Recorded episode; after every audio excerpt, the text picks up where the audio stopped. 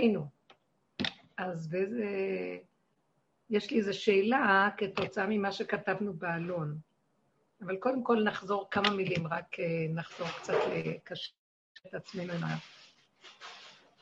המציאות של הדרך. ואני חוזרת ואומרת, אלמלא הדרך הזאת, לא יודעת אם הייתי מחזיקה מעמד פה במציאות של החיים. בגלל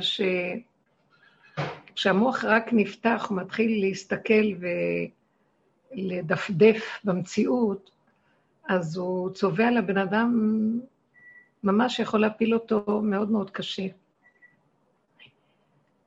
המצב שלנו לקראת הסוף בעבודה הזאת זה להיכנס ביתר שאת וביתר עוז ותעצומות למצב של חוזק בסגירת המוח. פשוט לא לתת, לא לרחם, לא לתת אפשרות. אם נופלים, אם לא יכולנו לפני, אז מיד אחרי, עוד פעם לשוב. זו עבודה שעכשיו יש הרבה עזרה משמיים למקום הזה, לרוקן את ההתייחסות, התרגשות, התפעלות, הממשות שאנחנו נותנים למה שהמוח אומר לנו. אנחנו רואים את האנשים מסביב, רואים, אה, אנחנו שייכים למציאות, אבל המוח צריך להיות מאומן לראות נתונים פשוטים. נתונים פשוטים. זה שולחן, זה כיסא, זה, יש לי תפקיד לעשות זה וזה, גם כי זה רק רגע אחד, אחרי רגע התפקיד משתנה. אין להתעלק ולהאחז בכלום. זה קל לתת הוראה כזאת, אבל כל העבודה שעשינו, היא מביאה אותנו בסוף לתכלית הזאת. בעצם מה שאנחנו עושים, אנחנו פורמים, אנחנו פורמים את תודעת עץ הדעת, ומחזירים אותה, מנסים להחזיר אותה למצב הגולמי הראשוני. תקשיבו, אני התבוננתי בפרשה וראיתי שיש שתי פעמים בריאת האדם. פעם הראשונה, וייצר אלוקים את האדם בצלמו, ויאמר אלוקים, נעשה אדם בצלמנו כדמותנו, אה, כן? ואחר כך כתוב, אחרי כל מעשה בראשית, בפרק ב', כתוב, אה, וייצר השם אלוקים, הוויה אלוקים, את האדם. עפר מן האדמה, ויפח בו נשמת חיים. זאת אומרת שכאילו, ואז הוא ברא גם את האישה ממנו. מה שקודם נאמר לנו בפרשה, זכר ונקבה ברא אותם, משהו, החלק הראשון, מדוע מופיע עוד פעם החלק השני? שאלתי את השאלה, רש"י גם מביא כמה פירושים שהוא אומר שבעצם זה אותו עניין, זה רק מתחלק לשתיים. אבל מעניין מאוד שהשם פשוט נתן לי תשובה, זימן לי, בבוקר כשהסתכלתי בפרשה, השם זימן לי, לי לפתוח את הלשם בדיוק בעמוד הזה. הלשם הוא, הוא חוקר את עולמות התוהו, את העולמות של הבריאה, את עולמות, מציאויות שונות של, של העולמות הקדומים. והוא, אין לו סדר. מאוד קשה למצוא בו, זה לא לפי נושאים, זה לא לפי... אה, הוא אומר סימנים, אה, מה שנקרא חלק זה וסימן זה, אה, שער זה וזה, אבל מאוד קשה למצוא אצלו, כי הוא חוזר על עצמו המון פעמים. ממש רואים שהוא נאבק עם עולם התוהו בעצמו, במוחו, על מנת לברר משם דברים. זה לא כמו שהיום אנחנו כותבים והדברים ברורים. צריך להוציא משם. לכן התפעלתי כשפתחתי, ומיד הוא נתן לי את הנקודה. אז כאילו הנקודה הייתה כזאת, בבריאה, האדם נברא יחד עם העולמות, בששת ימי הבריאה הראשונים שהוא ברא, העולמות שנבראו, הבריאה שלפני האדם, היא נבראה מחיצוניות העולמות. כאילו הוא רוצה לומר שם שהאדם גם כן, שבראו אותו בחינה גולמית, רק בפעם השנייה כאילו נפחו בו נשמת חיים. זאת אומרת שהוא היה בריאה, אבל רק לאחר המצב הזה, אני לא יודעת עניין של זמן, הוא לא אומר, אבל הוא אומר שהבריאה השנייה היא בחינה של, של גילוי אור הנשמה. אז לכן החלק הראשון מופיע רק אלוקים, אה, והחלק השני מופיע וייצר השם אלוקים, הוויה. מעשה בראשית נבראו בשם אלוקים, כן? ואחר כך מצטרף ההוויה. וזאת אומרת שההוויה זה שוב פעם חוזר לנקודה, שזה מה שנקרא שיתף הקדוש ברוך הוא מידת הרחמים, וברא אדם בצלמו, זאת אומרת, החלק הראשון, ברא אדם שיש בו נשמת חיים מהאור הגנוז, נשמה פנימית גבוהה. שביצירה הראשונית זה רק בחינת הגולם, ועוד יצור שנברא בצורה שדומה שהוא אדם, בדמות המלאכים, וכל היצורים הגבוהים שנבראו, אבל לא בדמות אדם.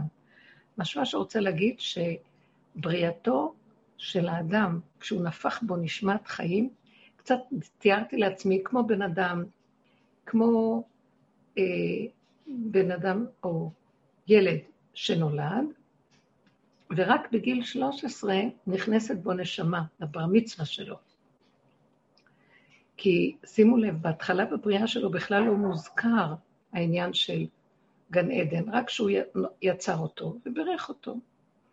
בחלק השני, הוא ברא לו את המקום איפה להיות, והייתה השם גן, מ, מ, גן עדן, מקדם, והוא שם שם את האדם. זאת אומרת, אחרי שהוא נתן לו נשמה כל כך גבוהה, נשמת האור הגנוז, הוא גם סידר, לי. סידר לו מקום גבוה, שיש בו, שמתאים לנשמה מהסוג הזה, גן עדן.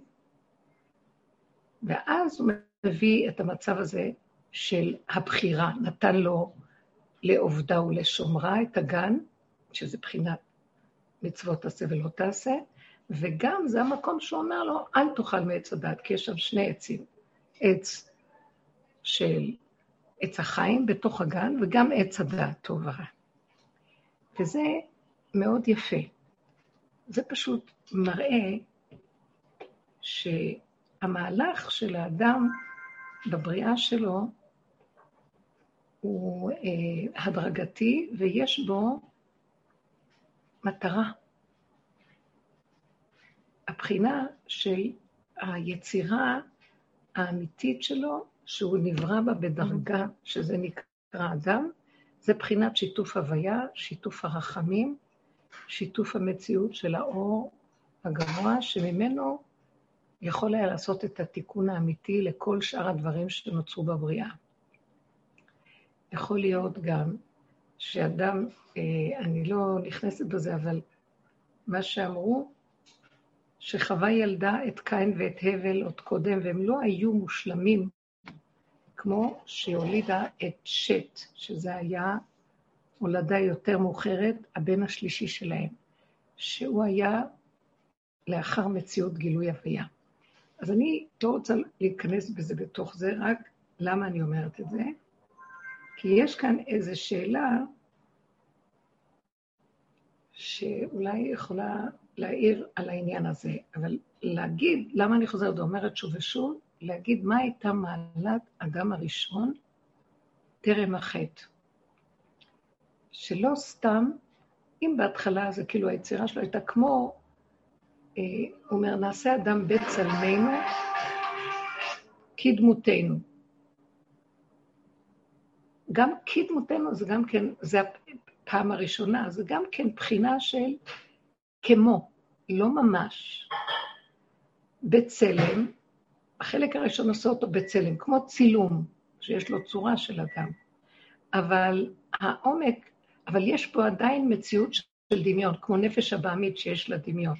כשהוא מכניס בו את נשמת החיים, זה כבר מסוג אחר. זה מהלך של התרוממות מאוד מאוד גבוהה.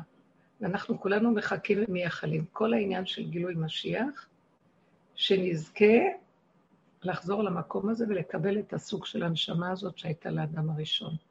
שזה נשמה שהכל פתוח ונהיר ואין בה שום בלבול ושום צער, והחיות זורמת, והוא נמצא במצב של איך שזה ככה הכל מושלם, ואין לו שום שאלה וקושייה, אין שום צער ורוגז, אין שום ספק ואין שום תמיהה ובלבול. הכל ברור. זה חיים יפים, לא שהוא סוחב לו במוח את הידע, אלא זה מגיע אליו כל רגע שהוא צריך ואין לו טרדה. סליחה, רק רגע, רק רגע. ארלי, אני כרגע אה, בשיעור. כן, אבל תדע לך, סידרתי, לך, סידרתי לכם משהו, רק תתקשר אליי, בסדר? זה 11 בערך, 11 או משהו. תודה. אני חוזרת עכשיו, שאלה שנשאלת כאן, השבת שקראתי את הפרשה פעם ראשונה ממש התכווצתי, פתאום לא הבנתי. הכל התחיל בפגם, הכל היה ידוע, הכל התחיל בעונשים ודינים קשים. פתאום היה לי מאוד קשה לקבל את זה, כמו טלנבלה ידועה מראש. פתאום הרגשתי מרוחקת מסיפור הבריאה, הכל נראה לי כל כך טרחני, זה ציור אותי מאוד. לא כל כך מבינה את השאלה,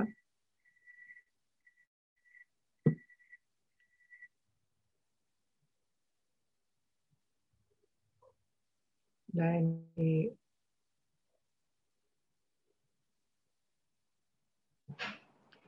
רק רגע. איך האדם הראשון הבין את האזהרה מות תמותון? אם תאכלון מעץ הדת. מאין צץ הנחש במהות ההרמונית של גן עדן, ומה החשש שיאכלו מעץ החיים אחרי החטא? הלא זה לא נאסר עליהם.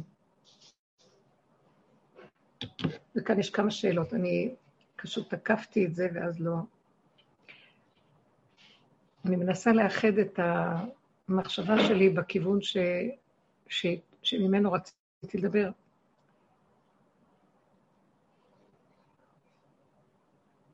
איך האדם הראשון הבין את האזהרה, אם תאכלו מעץ הדעת מות תמותון, איך הוא הבין את זה? באמת, זו שאלה עמוקה. אני לא יודעת אם הוא הבין את העניין של מות תמותון, כי מיתה לא הייתה עדיין בעולם בכלל, אז איך הוא הבין מה זה מות תמותון? יכול להיות שהוא הבין את העניין של הניתוק, שאם אתם תאכלו מעץ הדת, תתנתקו מהמצב איפה שאתם נמצאים, אבל שימו לב, זה באמת מצב שהבן אדם לא יודע. אם אין לו ידיעה כזאת מקודם, אז איך הוא ידע? אבל הוא היה חכם בדרגה אחרת של האור הגנוז, על כן זה לא כמו החוכמה שלנו היום. ישוע אמר, מות תמותון, הלא מיתה לא הייתה עדיין בעולם. לא כתוב לפני כן שהשם ברא את המיתה. אז איך היה המצב הזה? אז הם הבינו שהמיתה זה לא כמו שאנחנו רואים היום מיתה, שזה פשוט ירידה מהמדרגה. זאת אומרת, אתם תאבדו את המדרגה שלכם. רש"י מביא על זה, פשטות של הפשט. תמותו אה, בעולם, בגיל שלכם, כל יום אתם תלכו לקראת המוות שלכם, מה שקודם היה חיי נצח כזה נראה, וגם כן שאתם תאבדו, גם כשאתם חיים אתם מאבדים, אתם תמותו, תצאו מהמציאות של היום, איפה שאתם נמצאים עכשיו. זה היה המצב ש, של, ה, של מציאותם. קצת אני רוצה רגע להבין למה...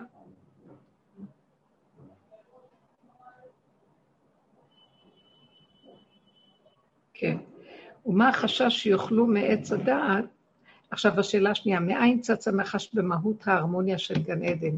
אני רוצה לקשר את זה לדרך, לכן אני עוד לא מרוכזת עם השאלות. הדבר הראשון שאמרתי זה שמטריד אותי. יש לי איזו נקודה שאני כל הזמן מחפשת אותה ואומרת לעצמי, כשאני לפעמים מדברת אה, כל מיני, או נניח אנשים שלא בדיוק קשורים לדרך, בוא נגיד, מהמשפחה, או יש לי איזה שיעור בשבת שאני מוסרת פה בשכונה לנשים חרדיות, שהן בתפיסה הרגילה. אני, כשאני אומרת שאנחנו רוצים לחזור, שאנחנו מחכים למשיח, לא ברור מה זה לחכות למשיח. ואז אני אומרת, הלוא כי אצלנו, בעולם שלנו, יש לנו תורה, שזה השיא שיכול להיות. יש לנו מצוות. לא ברור. חושבים שאם יבוא משיח, זה פשוט יהיה מצב של שיפור המציאות הזאת. Mm-hmm. ויהיה פשוט תנאים יותר טובים מביטוח לאומי, במרכאות להבדיל אלפי הבדלות. יהיה תנאים יותר טובים. זה יישאר כל החרדי, ורק יהיה תנאים יותר טובים. ואני קולטת שאנחנו לא קולטים מה הייתה נשמת אדם הראשון. למה אנחנו צריכים את כל הבלאגן הזה? מה רע באיך שאנחנו חיים? זה... השינה שלנו כל כך גדולה, אנחנו כל כך ישנים, שלא יכולים לקלוט. לכן אני חוזרת ואומרת, איך שאנחנו נראים היום, זה פשוט טרגדיה. אנחנו מאוד עלובים. אין לנו טיפת איפוק והכלה. אנחנו מדומיינים מאוד. לא יכולים, כשאנחנו מתארים את המצב של העבודה שאנחנו עושים צעד אחר צעד כל כך הרבה שנים, כדי להגיע למקום שאנחנו לא נתרגש ולא נהיה אחוזים. ונוכל להעביר אותה, כאילו אין לי שייכות אה, רגשית לשום דבר. למה? למה? מה טוב בזה? כי השייכות הרגשית שיש לנו בטבע שלנו פה, היא שקר, היא דמיון, והיא מטעה אותי, הרגש שלי מטעה אותי. אז מאוד קשה להגיד שיבוא משיח. אנחנו צריכים להבין שזה משהו אחר לגמרי, זה סוג של נשמה שהוא לא חי ברגש איך שאנחנו חיים. הוא לא נמצא בחשבונאות שלנו. התגובות לגמרי לא אותו דבר, משהו אחר, זה משהו אחר לגמרי. אם אין לנו הכנה, עכשיו, הכנה לא יכולה להיות, רק אם לא נדע להתעורר, לראות איפה אנחנו, לעומת מה שאנחנו צריכים להיות, איך נוכל לעשות את העבודה, איך נוכל לרצות בכלל משהו אחר. ואני תמיד נשארת במקום שאני, כאילו, יש התנגדות למה שאני אומרת. לא שיש התנגדות, זה נראה מוזר. מה, יש משהו יותר מהתורה והמצוות? ברור שזה התורה והמצוות, אבל התורה והמצוות שיש לנו אותם היום, כאילו, יש בהם חיות בדרגה של דעת, אבל בדרגות היותר נמוכות אין בהם חיות. מי שיושב כל היום במוח שלו ולומד, זה מאוד מאוד משמח להיכנס בחוכמה, בחוכמת התורה. היא מחכימה, היא משמחת, יש בה משהו מאוד מאתגר. זה מעניין, אבל זה בדעת. כשבא מצב של קיום, אנחנו לא... אין, יוצאים, יש מצוקה. כל החיות שהייתה לנו מהלימוד נעלמת. ואנחנו מדברים על מדרגות של היכן חסרה חיות. מה שאנחנו עושים בעבודה זה אנחנו יורדים למקום היותר נמוך, המידות, התוואים, היסודות, ורוצים שם לקבל את החיות שיש לנו בדת. גם החיות שיש לנו היום בדת היא לא מספיק גדולה כמו שהיה באמת במציאות של אדם הראשון מלכתחילה, לפני החטא. אז עכשיו כשאני אומרת, יש לנו בדעת, אבל חסר לנו חיות בשאר הדברים, זה קשה מאוד להבין, כי אם לאדם יש דעת נכונה, מה חסר לו, כביכול? אבל חסר לו שכשאותה דעת לא עומדת לו בזמן ההתנסות, מה שהאדם הראשון היה לו כל הזמן, הוא עומד, וכל הזמן כל החלקים שלו הזהירו. כל החלקים שלו היו פתוחים ומקבלים ומוארים ומכווננים אחד לשני. מחשבה שהגיעה, אדם הראשון לא חקר, הוא לא התחיל לחפש, הוא ישר ידע שאם היא הגיעה, אז אה, אין בה ספק. אין בה בלבול. ולא רק זאת, גם היא הביאה איתה את הרגש הנצרך לה, כדי לתפעל אותה. כלומר, המחשבה עצמה הכילה את הכל. את כוח, את החשק לדבר, כדי שהוא יצא לפועל, ואת הפעולה עצמה. כל זאת בלי לחלק, בלי עמל ויגיעה וטורח של החלק השכלי, ואז לברר, זה נכון, זה לא נכון, זה טוב, זה רק כך, אולי אני אעשה את זה בצורה אחרת. אחר כך, אוף, לא בא לי, אני לא כל כך רוצה, זה לא מעניין אותי, מה אני צריך לעשות? אז מה אם בא לי מחשבה? אלא המחשבה עצמה הביאה את הכל יחד איתה. הכל היה כלול בהכל. והוא רק הושיט את היד והפעולה נעשתה, ובכבוד ועד אליו.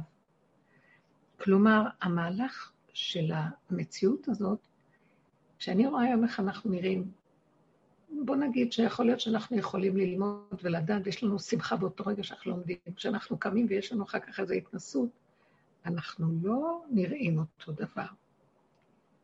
אז אני מתגעגעת למקום הזה. יש, אני גם לא שמתי לב לזה. עד שלא הכרתי את הדרך. נכון שתמיד ראיתי, יש לי מצוקות, אה, נפש, אז ניסיתי לעבוד עם הנפש שלי, אבל הצדקתי את זה שככה זה העולם. עד שראיתי מה הכוונה בדרך של רב אושר וכל המהלכים שאנחנו נכנסים אליהם. למה אנחנו צריכים להיות במצוקות האלה? למה? אני התחלתי לשאול, מדוע אנחנו במצוקות האלה? מדוע אי אפשר שדבר תהיה מכווננת עם המעשה? למה הרגש סוער? מדוע אני... למה בזמן ההתנסות אני ממש לא מה שהייתי קודם? זה הטריד אותי. בהתבוננות העמוקה, כשאנחנו הולכים בדרך הזאת, וכשאנחנו קוראים את הפרשיות והכתובים, אז הדברים מתבררים. חטא עץ הדת יצר את המצב הזה, הניתוק, ההפרדה, החילוק. זה מה שאמר לו, מוץ, כלומר, אתה תצא מהמקום שיש לך אחדות עם עצמך, בהירות, התכווננות. אתה לא מחולק, אתה לא ריבוי, כל דבר אחד. כמו שהגוף הזה יש לו איברים, יעלה על הדעת שהיד לא תרצה אה, לעשות מה שהמוח אומר לה. זה כשיש ניתוק אה, רפואי, חס ושלום, לא עלינו. אבל בדרך כלל היד היא חלק מהגוף, לא להגיד, אני יד ימין יותר חשובה מיד שמאל, אני, האוזן הימני או השמאלית יותר טובה מה... הכל פועל כמקשה אחת של גוף אדם אחד. כך אותו דבר העולם היה צריך להיות לנו. כל הריבוי של אנשים. אין פירוד בין בני אדם, זה המוח עושה פירוד. כולנו בעצם דבר אחד, ומחוברים אחד לשני. המוח לא נותן לנו לראות את זה. אני אומרת, אני זה אני והוא זה הוא. עכשיו, בדרך שאנחנו עושים, אנחנו לא יכולים להגיד, אנחנו, אני יכולה גם להגיד, תקשיבו, ברור לי שאנחנו רק אחד, אז בואו נתנהג כאילו אנחנו אחד. עושים המון תרגילים כאלה. יש המון אנשים שמדברים על אחדות ועל כולם אחד והכול נפלא. באה הדרך שלנו ואומרת, זה לא כך. תרד עד הסוף לנפרדות שלך. רק כשאתה נוגע בפגם שלך עד הסוף, כשאתה נפרד, אין לך יכולת להתחבר לאף אחד. אתה לא סובל את השני שעושה נגדך באותו רגע. מהדרך הזאת, ראיתי, אני צריכה לקחת זכוכית מגדלת ולהעצים את הפגם, לעשות אותו עוד יותר גרוע. אנחנו לא בורחים למעלה, ועל ידי השכל שמחליט, בוא נתאחד. לא, לא חשוב מה, בוא נעשה כנס אחדות. וכולם יעמדו ויגידו ביחד, אנחנו מאוחדים ויתחבקו והכל יהיה נהדר. הולכים הביתה, נופלים. בכאילו. בכאילו. בכאילו. ממש. אלא כל המהלך הוא שבעבודה שלנו, כשאנחנו כן מזהים מה המצב, מה אנחנו עכשיו עושים? טוב, אז בואו נחליט שאנחנו מאוחדים. לא, תלך עד הסוף בשלילה של הדבר. לך עד הסוף ותחפור ותחפור ותחפור עד שתגיע לשורש של הפירוט שלך. וזו עבודה לא פשוטה. כאילו, מאותה דלת שנכנסת, מאותה כשיצאת מגן עדן, מאותה דלת אתה צריך להיכנס בחזרה. אתה צריך עכשיו לצאת בחזרה, לפרום צעד אחר צעד אחורה, ולראות כמה אין לך אחדות, כמה אתה לא סובל אף אחד, כמה אתה בעצם נמצא במצב של אה, גירוי הכי גבוה. הדבר הכי קטן, הסף מאוד מאוד נמוך, הדבר הכי קטן, אה, לא שווה לך כל החיים. אין לך יכולת להתאחד עם שום דבר במצבים האלה, רק כשנוח לך והכל מותנה. יש לך זה, יש לך זה, יש לך זה, אתה יכול. אבל כשדברים לא מסתדרים, כל מה שחשבת, הכל כלום לא מסתדר. לך עד הסוף תראה את זה, ואל תישבר. כי אתה לא, לא שולחים אותנו שם לחפש על מנת להיות מזוכיסטים ומתאבדים לדעת או מיואשים.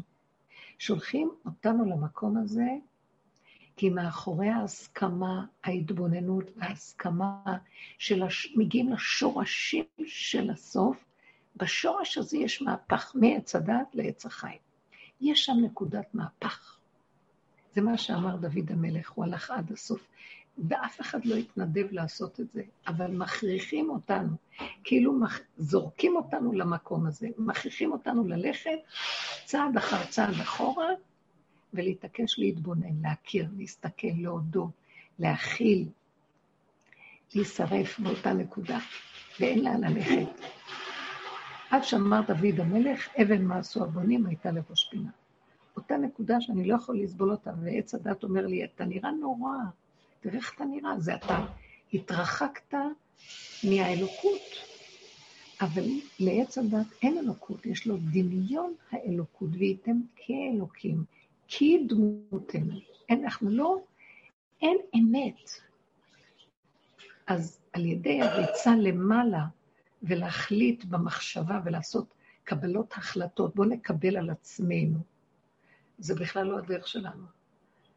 כי זה משקר אותנו, זה לא נותן לנו לחיות את המקום של ההכרה של עומק הפגם והשלילה. זאת אומרת, שכל המצב הזה, שאנחנו פגומים, חייב הכרה מלאה, לא נוכל להכיל מציאותו של המשיח בלי להכיר את המציאות הזאת. עד שנמוסס אותה. אנחנו צריכים להגיע למקום שלא יהיה אכפת לנו כלום, שנסכים הכל. אה, מישהו התקשר אליי לפני איזשהו, בסוכות, ואמר, אה, אולי תבואו אלינו, תבואו אלינו, תהיו אצלנו, בואו אלינו לאיזו סעודה, בואו תהיו, כי הוא שמע שאצלנו יש אנשים, הרבה אנשים, אז הוא רצה כאילו מישהו מבני המשפחה, שיהיה לי קצת מנוחה ושאנחנו נבוא אליו. ואז אמרתי לו, לא משנה, לא משנה, לא משנה, הכל בסדר, הכל טוב. כאילו, לא מצאתי סיבה למה אני צריכה לעזוב את הבית שלי ללכת לאכול אצלהם. אז הוא שמע את המקום הזה שאמרתי לו, באמת בפשטות, אומר לי, אתה מוסע מאוד, נכון? אמרתי לו, לא, לא, לא משנה, הכל כל כך, הכל בסדר, לא משנה, הכל בסדר. אז פתאום הוא צחק ואמר לי, אה, כל התכלית זה להגיע שלא יהיה אכפת לך כלום. יהיו אנשים, לא יהיו אנשים. אה, את לא זזה מהמקום, איך הוא הגדיר את זה בפשטות? את לא זזה מהמקום, ואת לא משנה את המצב עד שכבר לא יהיה אכפת לך מכלום. אמרתי לו, בדיוק. זאת אומרת, אנחנו לא בורחים מהמצב. כאילו אמרתי לו, זה לא משנה לי כבר. כבר עברו עליי המקומות שהרגשתי כך וכך וכך, ואז אני אמרתי לעצמי דברים, ואז התווכחתי קצת עם עצמי, ואמרתי, למה, כמה, איך? בסוף אמרתי, את לא זזה מאיפה שאת עומדת, וקבלי את הכל איך שזה ככה. עד שתגיעי למקום שלא יהיה אכפת לך כלום. פירקנו את הפגם. יכול להיות שבפעם אחרת זה עוד פעם יבוא. אבל כל התכלית של כל העבודה זה לא לרצות לצאת מהמציאות של הפגם. הפגם כבר מגיע למקום שהוא כבר לא פגם. זה ככה. מה אם כן יסוד הפגם? ההתרגשות מהדבר, הכעס, הפרשנות, התגובתיות, אה, הלחץ. המוח אומר לי, זה לא נורמלי. המוח מסכסך, לא, הוא לא מתכוון לסכסך, זה עץ הדעת. אה, זה לא צריך להיות ככה, בדרך כלל צריך שיהיה כך וכך וכך, ועכשיו זה סותר כמו שצריך להיות, ואיך שמקובל. הוא מסכסך אותי, הוא מביא לי את ההרגשה עכשיו לא טובה, כי זה לא צריך להיות ככה. אז כל העבודה שלנו זה קודם כל, בוא נגיד שהמוח היה אומר לי, זה לא צריך להיות ככה, אבל לא הייתי מתרגשת. יותר טוב. אבל המוח מתחיל להגיד, ואני מתרגשת. אז בואו נגיד, דבר ראשון בסגירה שלנו זה את הרגש. לא רוצה, לא רוצה להתרגש. למה לי לסעור מזה? למה לי להתרגז מזה? ככה וזהו. איך שזה ככה, הכל בסדר. אבל זה לא בסדר, המוח יגיד לך. אז אני משאירה אותו להגיד, אבל אין לי רגש, שימו לב. המוח יכול לדבר, זה כמו שאת רואה איזה נתון במודעה, או שולחים לך הודעה, ואת לא קולטת מה אומרים. את לא, אין לך פרשנות. את לא מחשיבה לחשיבות, לא נותנת לה שום חשיבות, כי אין לך, את לא מבינה מה אומרים, אין פרשנות. אותו דבר עם מציאות הרגש. לא מתרגשת. אז מה זה חשוב ככה או ככה או ככה? לא מתרגשת. נכון שיש לאדם גבול והוא יכול פתאום להגיע למצב שהוא יתעייף והוא לא יכול יותר, נניח, להכיל. אז זה כבר אמיתי, הוא לא מתרגש, הוא פשוט יודע, הוא לא יכול. אבל אנחנו מושתתים על הרבה תגובות, גירויים, תגובות לגירויים שבאים לנו מהמוח ומהרגש. מתרגשים מהם. וכל עבודתנו לעצור את המהלך הזה ולהישאר בפשטות. אה, בין אם ככה, בין אם כך. בין אם לפני, בין אם אחרי. בין אם לפי איך שכתוב או לא, לפי איך שמקובל או לא. כמו שכתוב, אני השם לא שניתי. השם לפני והשם אחרי. אני אף פעם לא משתנה. אותו דבר, זו הנקודה שהיא שייכת לאור הגנוז. אין, אין שינוי, זאת אומרת, יש שינויים, אבל אין לי משמעות לשינוי שגורם לרגש לזוז. יש ירח, יש שמש, שינוי. יש לילה ויש יום, שינוי. אבל אני לא מביעה רגש, פרשנות, משמעות. תגידו, הבן אדם הזה נראה לכם לא חי? תראו איך אנחנו חיים. זה הבן אדם שחי. בן אדם שכל רגע מגיב וסוער על משהו אחר ויש לו משמעות ויש לו משהו להגיד. אם היינו רגע מתאפקים ולא מיד מגיבים לדברים, החיים שלנו נראים אחרת. אנחנו לא יודעים. כל רגע משהו מגיב אותנו. אה, יצאה השבת, שבת היינו לבד, היה נחמד, שקט, יצאה השבת, והיה לי איזה רגע של אה, ריקנות. ואז קשה. אחרי רגע אמרתי, אין מוח. אני לא יודעת, זה עוד רגע ועוד נשימה, זה כל כך עזר לי, עוד רגע ועוד נשימה. לא חשוב, שבי, בלי לעשות כלום, כמו גולם. ולא לתת למוח בכלל להתרגש ולפרש מה עכשיו. כי בדרך כלל יש כאן אנשים ויש זה. לא, בסדר גמור הכל, זה דמיון. ראיתי שהיה נחמד, הייתי צריכה כל הזמן לקחת את הנקודה שלא יתעורר לי אותו דבר וירים אותי ויתחיל לצבוע לי את החיים ולהגיד לי כך או כך או כך. זה היה יפה. חזר לפשטות, אין שינוי, הכל טוב. מה שהיה. למה לפני שבת, לפני שיצאה השבת הכל היה בסדר, פתאום איך שיצא פתאום, מה, מה ההבדל? אין הבדל. אז מישהי אמרה לי, בואי, בשבת בשיעור, את יכולה להגיד לנו משהו לחיזוק תחילת השנה, סוג של חברות מתוקות בשכונה. לחזק תחילת השנה, משהו לחזק אותנו. ואז אמרתי, מה, מה השוני? מה השתנה? מה נשתנה? בין לפני לאחרי. שום דבר, הכל אותו דבר. יש רגעים, המוח של האדם משעמם לו, הוא כל הזמן מנסה לגרות אותו לגירויים. מה לעשות, מה, שעמם לו. הוא בשיממון, הוא כל הזמן צריך להיאחז באיזה פעולה, עשייה, מחשבה, הרגשה, דמות. ואז דרך הוא מתעלק על זה, ודרך זה יש לו חיים. באמת במציאות האדם יושב, הוא יכול לנשום. האדם הראשון, אני מתארת לעצמי, יכול היה לשבת אולי שנה, ולא לזוז. מה משנה? כשהוא קיבל איזה איתות לקום, הוא קם. זה נחמד, זה, יש בזה מנוחת הנפש. הסערות של האנשים, הסערה התמידית, דוד המלך היה אדם שסער.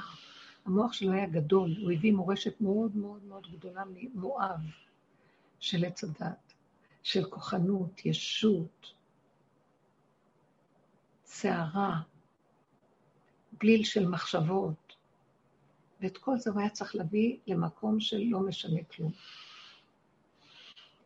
אם השם רוצה, שיעביר דרכי איזה תפקיד ויזיז אותי. למה שאני ארצה? אני יכולה להתפלל ולבקש. אבל יחד עם הבקשה, המתנה, מביא טוב, לא מביא. אז בסדר, איך שזה ככה, מה אנחנו רוצים מהחיים? מה אנחנו רוצים? הוא בלען, הוא חמדן. איך אמר לנחש? העץ נחמד להשכיל. יש בו חמדנות, מלשון חומד, כל הזמן רוצה לדעת, כל הזמן רוצה להגיע, להצליח, להביא לעצמו לאיזה מקום. מה יש לי מזה? כלום. אנחנו יודעים ולומדים, ו... ובא רגע אחד של התמודדות מאוד מאוד, פער מאוד גדול. יכול להיות שאדם שיש לו דעת, יכול יותר להבין, זה עוזר לו קצת. אדם עם סערת נפש הולך לפסיכולוג, והפסיכולוג מנסה לעזור לו להבין את מצבו, אבל מצבו לא משתנה. יכול להיות שיש לו נחמה פורטה באותו רגע, שמסבירים לו בהבנה את מצבו. אה, זה בגלל ילדות, זה בגלל שההורים שלך עשו לך ככה, אולי מגלגול קודם, אה, עכשיו אני מבין למה אני ככה. אבל האם זה משתנה המציאות שלו שהוא ככה? שום דבר. אחרי כמה זמן שהוא הבין, והיה לו נחמה פנימית שהוא הבין, בפועל נשארה אותה בעיה. ההבנה לא מספקת. אנחנו צריכים לגאול את החלקים של המידות, של ההתפעלות, של הפעולות, שהן נובעות מהקלקול של המוח, ושם להפסיק את הסיפור. על ידי להעצים ולחזור ולרדת עד לשורש השורשים של הקלקול. ואז נפתח הדלת אחור.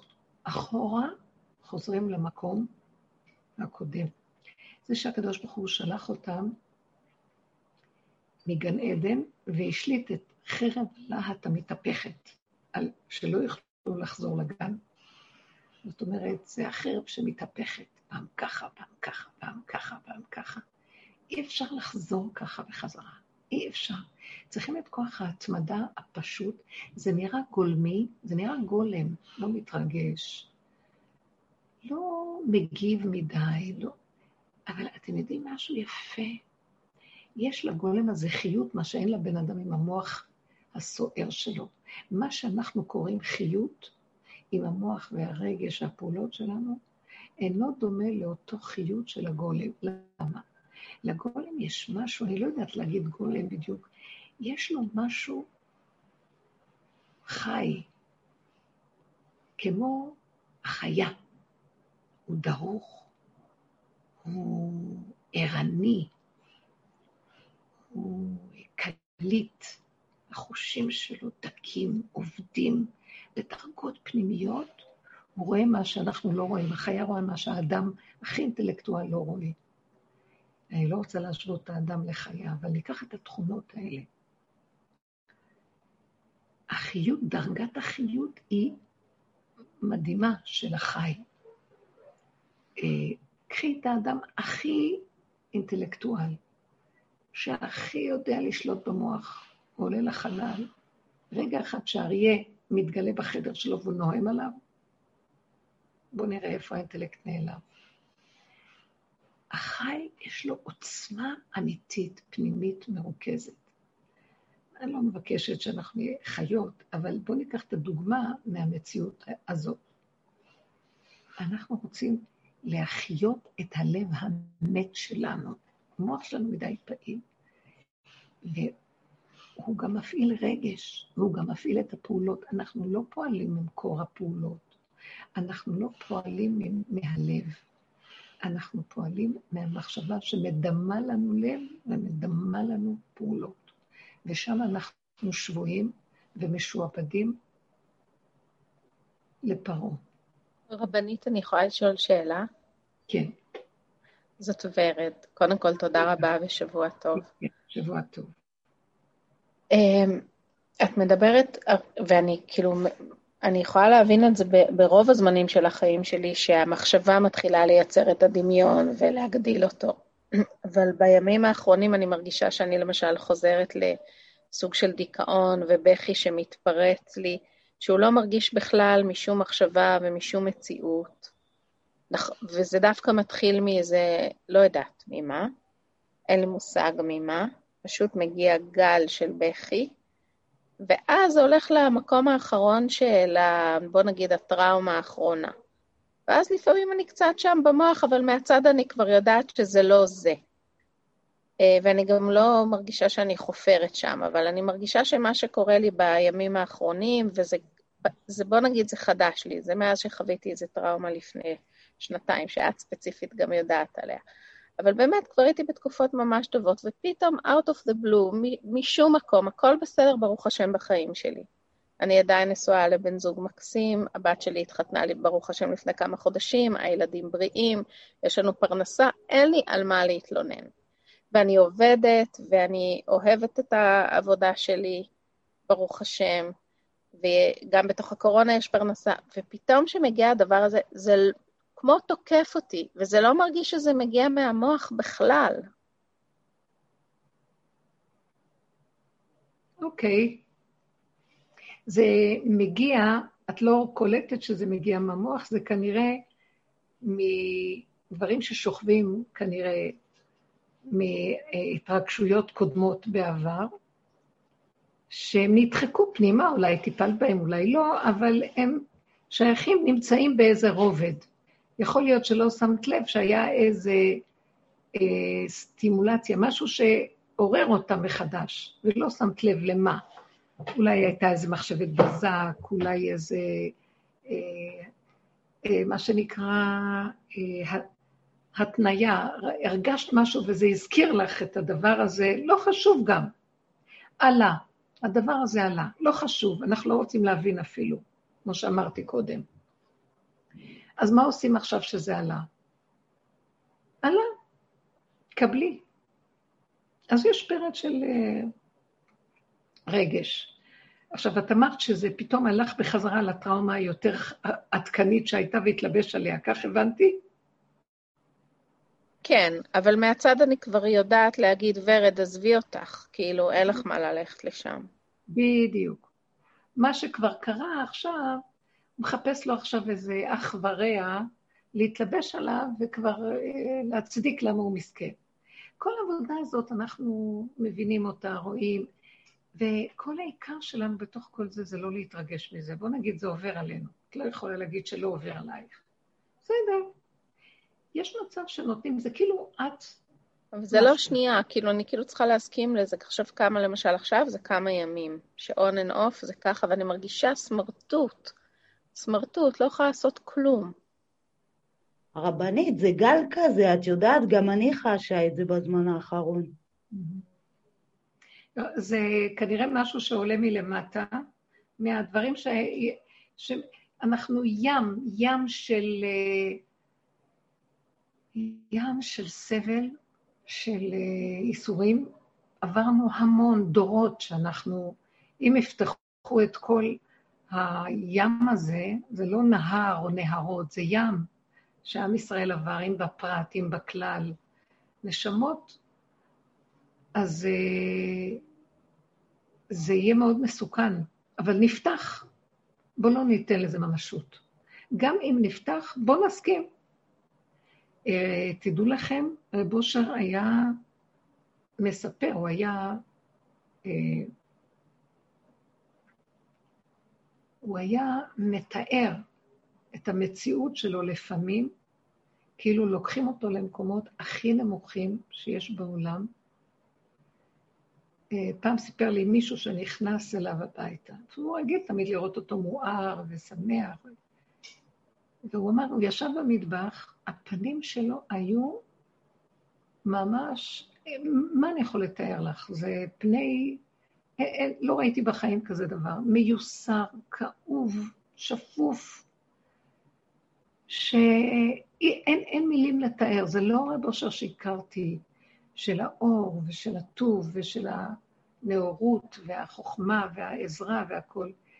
אני חוויתי באותו רגע, כאילו נכנסתי למצב האמיתי הפנימי שלו, שהוא מכוסה, ויש לו מדי פעם היכרות איתו. הוא היה אומר שאם היינו יודעים, פעם הוא פגש, בהקשר לזה אני אומרת, פגש איזה אדמו"ר ככה בחוץ הולך, ואז הוא התחיל לצעוק אליו, אתה הולך עם הבגד המפואר שלך ועם עגולת זהב של המקל שלך, וכל ה... וקיצ'ה, וכל הלבוש המפואר שלך, אתה יודע באיזה צער השכינה נמצאת. אתה יודע מה זה גלות השכינה. הוא היה ככה לפעמים, היו תקופות של פרץ כזה שהוא היה חש את הצער ואת הכאבים של השכינה. באמת, באמת, היסוד של לכי מעטי את עצמך, שירדה לדור בתוך כל הנחשים והקרבים בתיבה הכי קשה, ואי אפשר שלא להיות מתפעל. אבל אותו אחד גם אמר לי, שהוא ראה אותו במצב הזה, הוא גם ראה את המקום שלו איפה שהוא משלים ומקבל, ונכנע למצב הזה. כי זה החלק השני שבו, ששמר על האיזון ועל השפיות, כי הוא בכל אופן לא רוצה לאבד את עצמו, כי אפשר ללכת לאיבוד שם, ולהצטרך טיפול וכדורים, אם לא אשפוזים, חס וחלילה. על כן הוא גם ידע שהוא חווה את המקום הזה, נותנים לו הצצה. מי יכול לחוות מציאות של גלות השכינה? מי יכול לחוות את המקום הזה? אבל כל טיפה של צער שיש ליהודי במשהו, זה חלק מהים הזה. יכול להיות שבדרגתו, או היו לו תקופות שהוא ממש חווה דברים קשים. אבל הוא תמיד אמר, אני יכול לעזור לאנשים שרוצים לעזור לעצמם. אם אנחנו נשתאב לתוך כל הסערה הזאת ונתרגש איתה ונלך לאיבוד איתה, אז יכול לקחת, יש כאלה תקופות של זמן. אה, ואחר כך זה עובר. יש כאלה תקופות. החוכמה שלנו איך לא להישאב למקום הזה וללכת לאיבוד. הדרך נותנת הרבה כוח. התרגיל הכי גדול שעוזר לי זה מיד, זאת אומרת, לא לחכות הרבה. בוא נגיד, הפרצי בכי האלה והצער שאת עוברת, אפשר ככה לעשות. אם את יכולה חזק לסגור מיד ולא לתת לזה שום פרשנות ורגש, כאילו זה מישהו אחר. את יכולה לצאת מזה. יכול להיות שאת לא יכולה לצאת מזה, אז את יכולה לחוות את זה, ותוך כדי זה שאת חווה, שיהיה לך איזה חלק בתוכך שהוא לא מתרגש מכלום.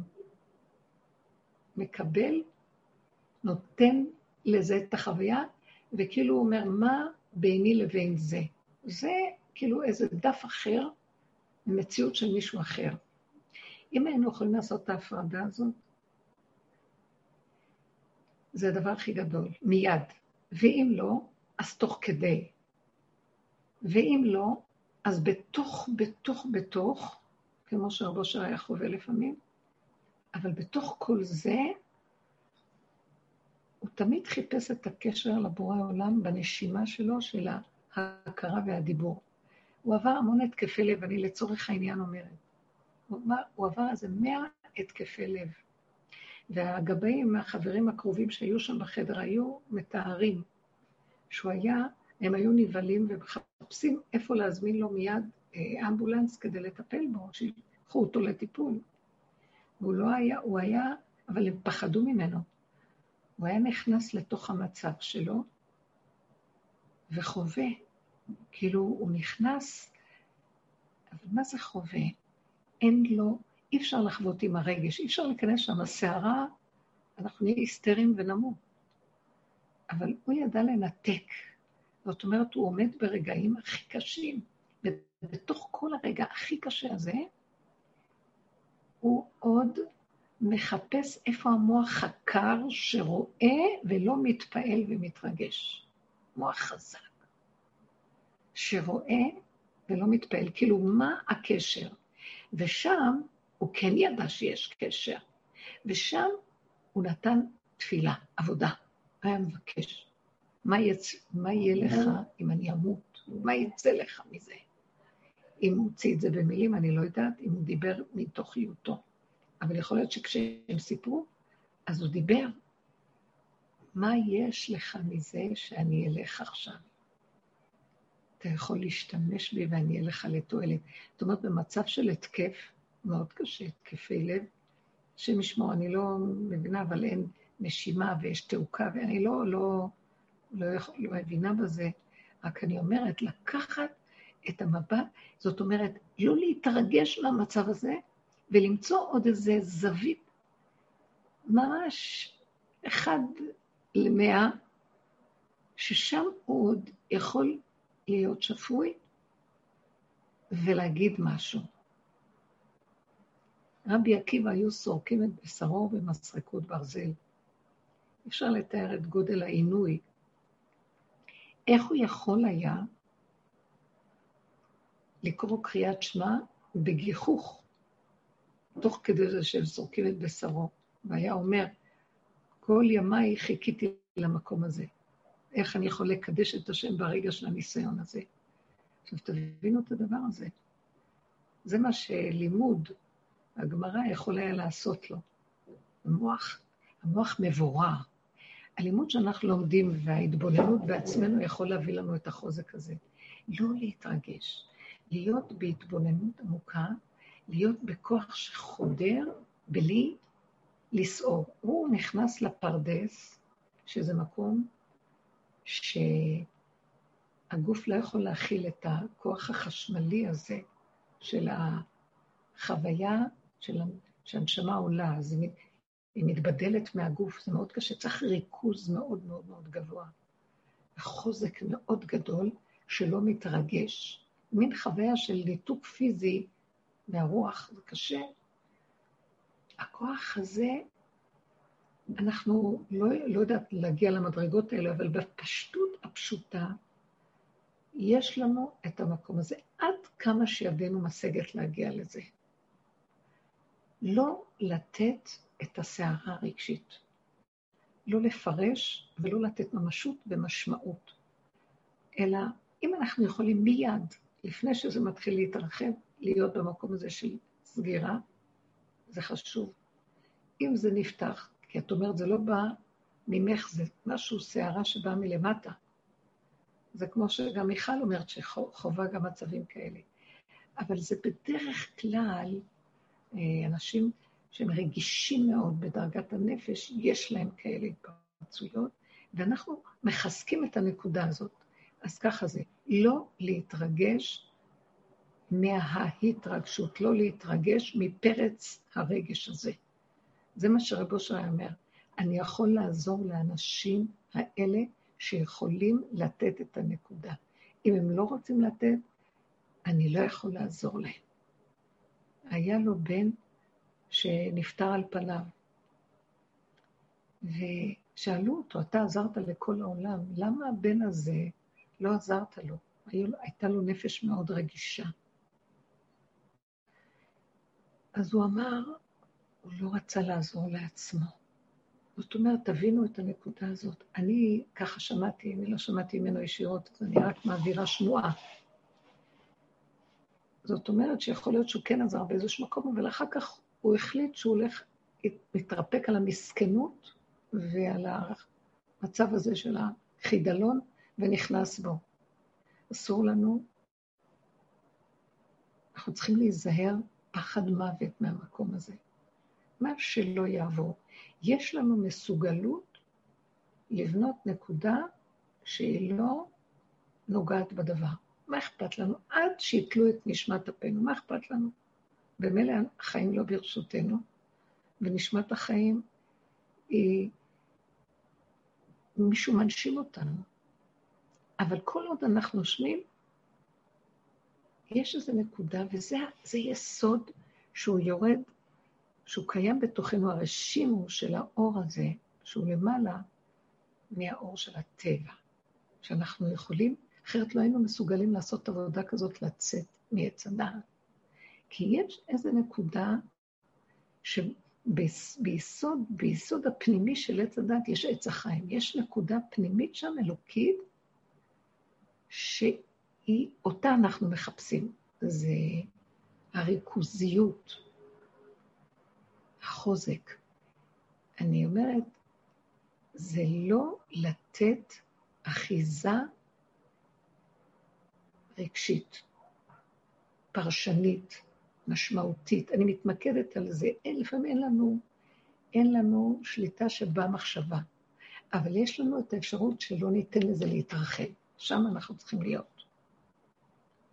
אז מה שאת מרגישה שזה בא לא מהמוח, זה בא מלמטה. זה לא חשוב שזה בא מלמטה, זה צער השכינה, ומה שאנחנו יכולים לעשות זה רק להגיד, אולי תגידי כזה דבר, אני לא יכולה לחוות את הצער שלך. אני רק בשר ודם. אז תרחמי עליי. השם, תרחם עליי. זה קשה עליי. אתה נותן לי הצצה. מספיק ההצצה. לא להתמכר לזה. נניח שזה חוזר שוב, אבל אם את תהיי חזקה עם התרגיל הזה, באותו רגע של הצער הכי גדול, תסכימי, תני לפרץ של הבכי וכל זה לצאת, ואחר כך רק תגידי, אבל אני לא בוחרת להיות שם. אני לא יכולה להכיל. אל תרצי להכיל. את חייבת להכיל כמה שאת יכולה, אבל בהכרה ובדיבור, תתפללי ותבקשי, אני קטנה מכדי להכיל את צער השכינה. רק במשהו אתה מראה לי, תודה לך אבא, על מנת שיהיה לנו ערך להבין באיזה צער נמצאת השכינה. מה זאת אומרת? איך אנחנו מסוכנים לאבד את החיות שלנו, והלוא אנחנו אלה שצריכים להוציא אותה מהצער הזה. כי כתוב שהשם שם את השכינה איתנו, לכי מעטי את עצמך, והוא נתן לה את עם ישראל להיות איתה בהתמעטות. ישראל מונים ללבנה. גם כתוב שבכל צרתם לא צר. עם ישראל נמצא באותו מצב. אבל אנחנו רק בשר ודם, והיא כוח אלוקי. אנחנו לא יכולים לחוות ברמה הזאת. אנחנו יכולים בקטן, ועל ידי זה שאנחנו חווים בקטן, וסוגרים מיד ומעלים את זה לתפילה, לקודש הבריחו. מה ההבדל בין קודש הבריחו למצב הזה של השכינה למטה? זה אור אלוקי, אבל שהוא קטן. הוא אור שיכול, שאנחנו יכולים להתייחס אליו, בעוד האור האלוקי הגדול זה אור שבנתונים שלנו, של עץ הדת, אנחנו לא יכולים להכיל אותו. אפשר להתפוצץ ממנו, לכן אנחנו צריכים לפחד מהכוח של משיח, כי משיח זה אור מאוד גדול, שאם אין לנו כלים והכנה, מאוד קשה להכיל אותו. ומה שיורד כאן עם הקורונה וכל המצב הזה, זה אור הכתר שמחפש לשבת על המלכות, וכשאין לו את ההכנה, אין לו את הכלי, את המלכות, אז הוא יכול גם להיות בחינה של זכה נעשה לו סם חיים, לא זכה נעשה לו סם המוות, וזה פחד. על כן, מה יהיה הכלי להכלה הכי גדול שאפשר יהיה להכיל את הרוע הזה? זה ההתמעטות והידיעה הגולמית שאנחנו גבוליים ולא יכולים. ולא להתנדב להיות יכול, ולא לרצות להיכנס בפינוק של היגון והנחה, ולהתמוסס בתוך המסכנות. זה מה שאמר רב אושר, אני לא יכול לעזור שם. אנחנו צריכים לתפוס את המקום הזה, שאנחנו בתפקיד שלנו קיבלנו תפקיד להוציא את השכינה משם. כתוב ביציאת מצרים, כתוב, לא, כתוב את זה, אני חושבת בנביא, ושב ושב השם את שבותך. לעתיד לבוא ישיב אותנו. אז שאלו המפרשים, למה לא כתוב והשיב השם את שבותך? למה כתוב ושב? משמע שאנחנו שווים והוא שב איתנו. כלומר, אנחנו עושים את התנועה של להוציא את עצמנו, והוא יוצא איתנו. אש, אה, אה, אה, איך כתוב? הוצאתי, שהוצאתי אתכם מארץ מצרים. ואני קראתי והרגשתי שאני אומרת, אשר הוצאתי איתכם מארץ מצרים. אתם יוצאים ואני יוצא איתכם. מה פירוש הדבר? וכי אדם יכול להוציא את עצמו מבית האסורי, שיכול גם להוציא את השכינה? לא. אבל ברגע שאדם אומר, אני לא רוצה להישאב למקום הזה, ששם אם אני אכנס פנימה, פנימה, פנימה, אני לא אוכל לצאת. אני לא רוצה להיכנס שם. אני נותן את השריר הכי חזק של גולם, שלא יודע, לא מבין, לא יכול, תופס נקודה של אחיזה הכי קטנה, של נשימה, ואומר, השם, אני רוצה לחיות פה ולהיות לך לתועלת. זה מה שרב אושר היה אומר בזמן ההתקפים. זאת אומרת, אני יכול גם להגיד, טוב, הלך עליי, אני רוצה, אני... אנחנו, יש לנו נקודה שלפעמים הניסיון הוא כל כך שאני אומרת, טוב, כאשר עבדתי, עבדתי, איך אמרה אסתר? אבל היא עשתה את כל העבודה שיכלה לעשות, שלא להיות בייאוש של כאשר עבדתי, עבדתי. היא לא התכוונה להתאבדות של ייאוש, היא התכוונה לומר, אני עשיתי את הכל, נאחזתי בכל מה שאני יכולה, אני נתתי את כל החלקים שאני יכולה, ויותר אני לא יכולה כלום. אני נותנת לך את הנשימה, ואני איתך בנשימה שלי. זה המקום כאשר עבדתי. מעתה ואילך אתה המחליט. אבל היא אמרה את זה אחרי שהיא עשתה את כל העבודות. ואני רוצה עוד פעם לחזור ולהדגיש. התפקיד שלנו זה להוציא את אנרגיית החיים הכבולה מתוך, בתוכנו. היא כבולה, היא מאוחה, זה תיבת פנדורה ששם יש ניצוצות קדושה. יש שם חיות שהיא שלנו, והיא הלכה לאיבוד. כל אחד בתוכו, מה שמתאים לחלק שלו קיים. אני אומרת לוורד, עם כל מה שאת עוברת, דבר אחד, תקבלי מהדרך שלנו חוזק. תחווי את זה, אבל כאילו זה שייך לבן אדם אחר. תלמדי לעשות את המקום הזה שזה לא שלי. לא להזדהות, לא לתת לזה שייכות אישית, כאילו מישהו אחר חווה.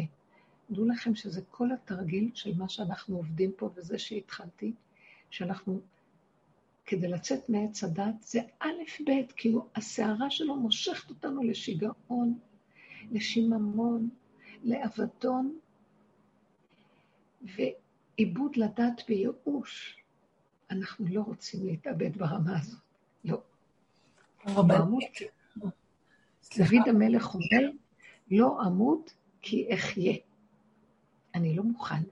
זה צריך להיות אכזרי לשקר, לרשעות, על מנת להיות לתועלת לאנרגיית החיים, להקים אותה בשנייה שהיא קמה.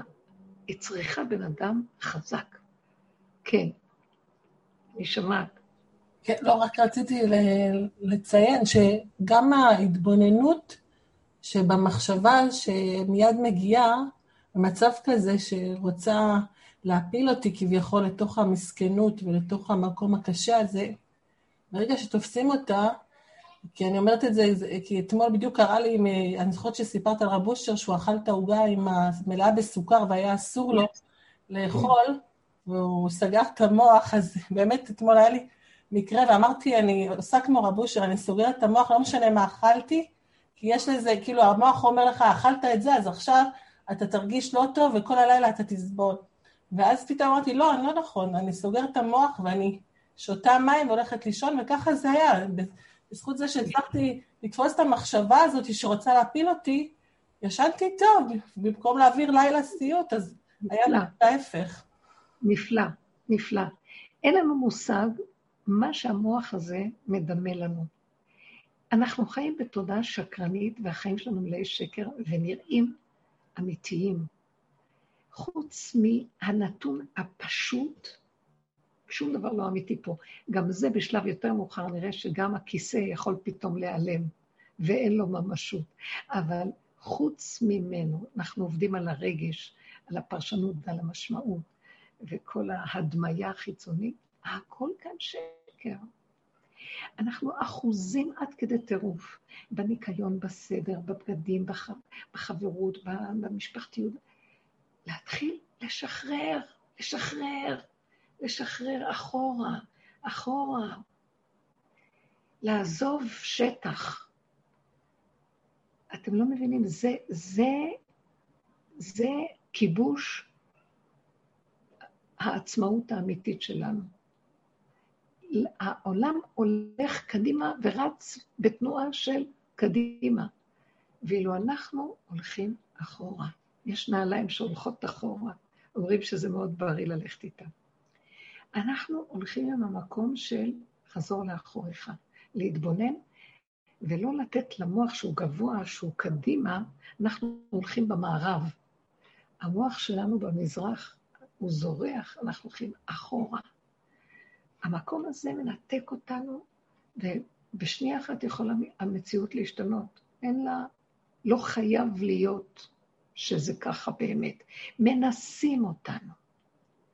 אה, לפעמים זה לוקח זמן, לפעמים זה לא כל כך בקלות. מה אכפת לנו להתחדש כל רגע כאילו כלום לא קרה? זה, זאת עבודה נפלאה. עכשיו, למה, היא שאלה כאן בשאלה, מדוע השם מוציא אותם מהגן, מהחשש שיאכלו מעץ החיים. שהלוא זה לא נאסר עליהם לאכול מעץ החיים. אז מה היה החשש? רק נאסר עליהם לאכול מעץ הדת. אז מה היה החשש? למה הוציאו אותם מהר? שמא במצב הזה של אכילה אחרי עץ הדת, הם יאכלו גם מעץ החיים וחי לעולם.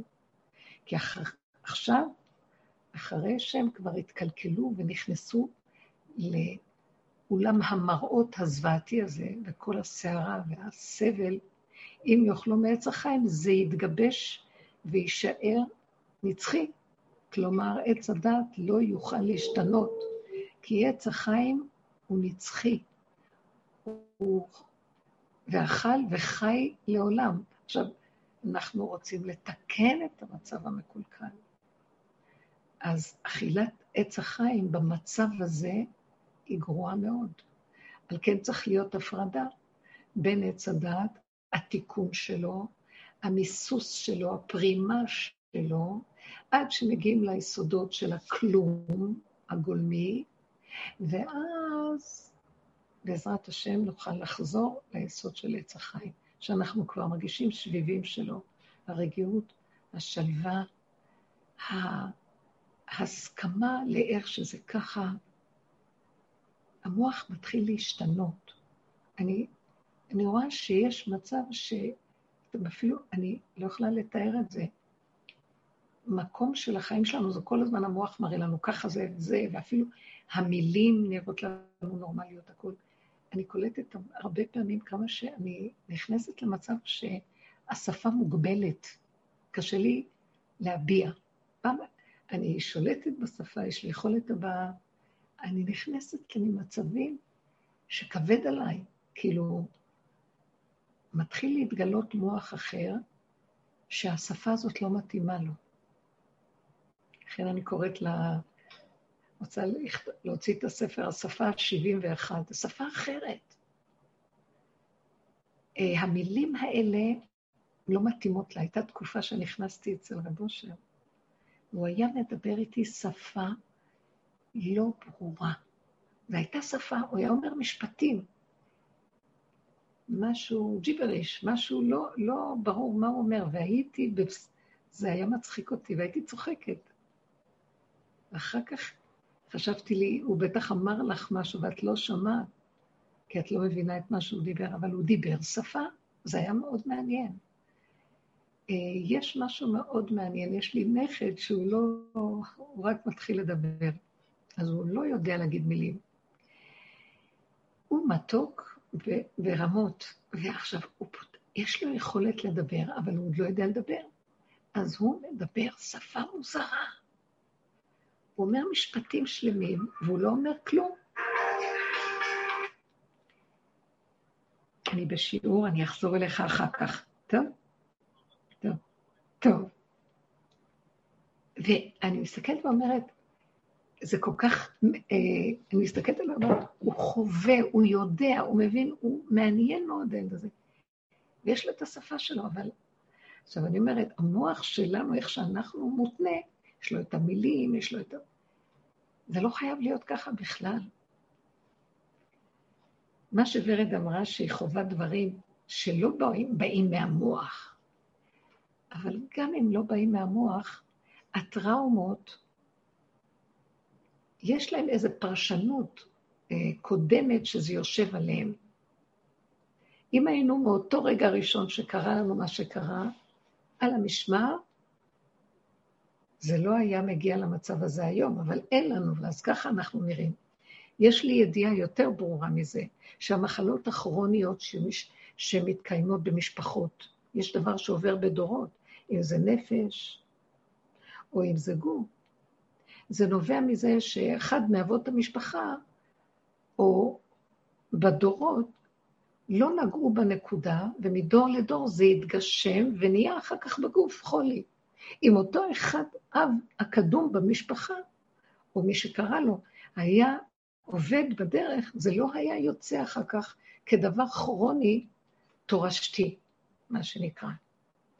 אז חבל לנו לא להיכנס בתודעה האינטליגנטית הנקייה הזאת, של להישאר ריק בכמה שפחות אחוזים, נופלים קמים, לא נורא, ומכאן ואילך מפרקים, מפרקים. בוא נגיד שזה לא בא מהמוח, זה בא מהחושים. אני לא יכולה להבין, אני יכולה כן להבין, אבל אני לא יכולה לדמות לעצמי שזה לא בא מהמוח. זה כן בא מהמוח, מה שאת עברת, זה כן בא מפרשנות, זה כן בא ממשמעות, כי תמיד יש משהו שחווה והוא מצלם ומגדיר ולוקח, וזה חרוט.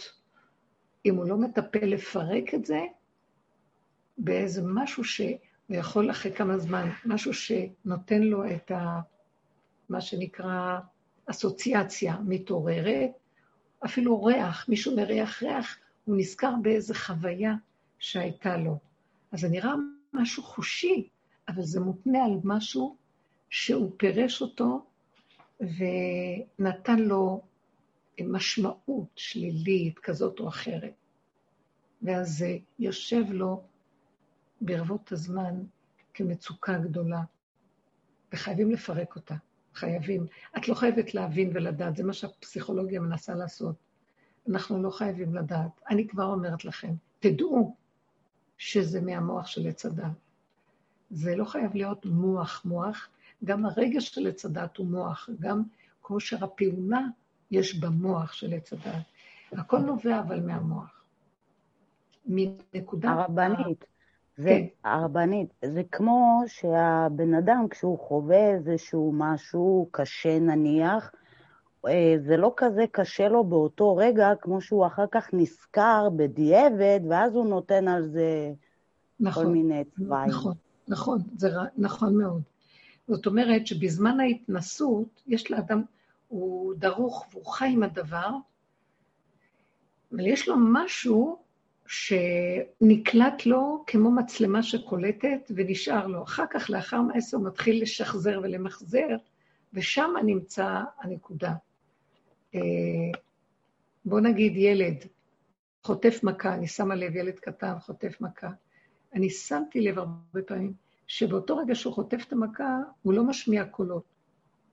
הוא עסוק בלראות את איפה מציאותו, אם הוא נשרד, אם הוא חי, אם הוא נושם, משהו בהישרדות הקיומית, ורק אחרי כמה זמן הוא נותן צרחות נוראיות, שזה כבר אה, עבר למעשה. זאת אומרת, יש משהו שאחר כך שהוא פותח אותו, אבל כן נקלט לו. נקלט לו המציאות שהרגע הראשון היה כואב. רק הוא יכול לאפק את אותו רגע ולהסתכל על מנת אה, לבדוק אם הוא נשרד, אם הוא חי. אחר כך, כשהוא רואה שהכל בסדר, הוא פותח את אותו מקום ומתחיל לצרוח. זאת אומרת, יש משהו שמצלם וקולט את הדבר. אני, אני חוזרת, אה, שהיא אומרת ככה, למה מצוין בפרשה שהנחש ערום? מה מלמד אותנו מצב זה? אה, יש ערום ויש עירום, שתי פרשנויות שונות. המילה עירום זה בלי בגדים, והמילה ערום זה מלשון רע, ערמומי, אה, לא ישר. אה, אז הנחש היה ערמומי. שימו לב לצורה של הנחש, זה כמו שתיים, זה לא אחד. הוא מתפתל ומשתנה. הולך ימינה, הולך שמאלה, כמו הזחל. עץ הדת, אמרנו שיש לו זחל גולם ואחר כך פרפר, בעבודה שלנו, לא, בעבודת עץ הדת. אז הזחל זה כאילו, הוא הולך כל הזמן, הזחל כל הזמן זוחל כמו נחש. ימינה, שמאלה, שמאלה, ימינה. גם בעיניים של הנחש, תמיד הם בצד, יש לו עין בצד שמאל ועין בצד ימין, הוא רואה מהצד. הוא לא מסוגל לראות ישר, הנחש לא רואה נכחו. אם האדם יעמוד ישר מולו, הוא לא יראה אותו. רק מה שבצדדיו. אז הנחש, על מנת, בגלל שהוא לא רואה ישר, הוא חייב לסגל לעצמו התגוננות, לרמות, לשקר, כי הוא לא יכול להישאר, אין לו קו ישר, אין לו אמת. אז התנועה שלו יוצרת מציאות של ערמומיות. אין לסמוך עליו. כתוב, אה, היה איזה סיפור שנחש אחד אמר למישהו, תעביר אותי את הנהר, זה כתוב אולי במשנה או במ... ואז הוא אמר לו, איך אני אדע שלא תיכוש אותו? הוא הבטיח לו לגמרי, שיעשה לו טובה, הוא לא מצליח לעבור את הנהר, ושהוא יעביר אותו יחד איתו בספינה שלו. וכשהגיעו לגדה השנייה של הספינה, הוא נקש אותו, משך אותו. זאת אומרת שאי אפשר לסמוך, כי הוא אומר דבר אחד ועושה דבר אחר בפועל ממש.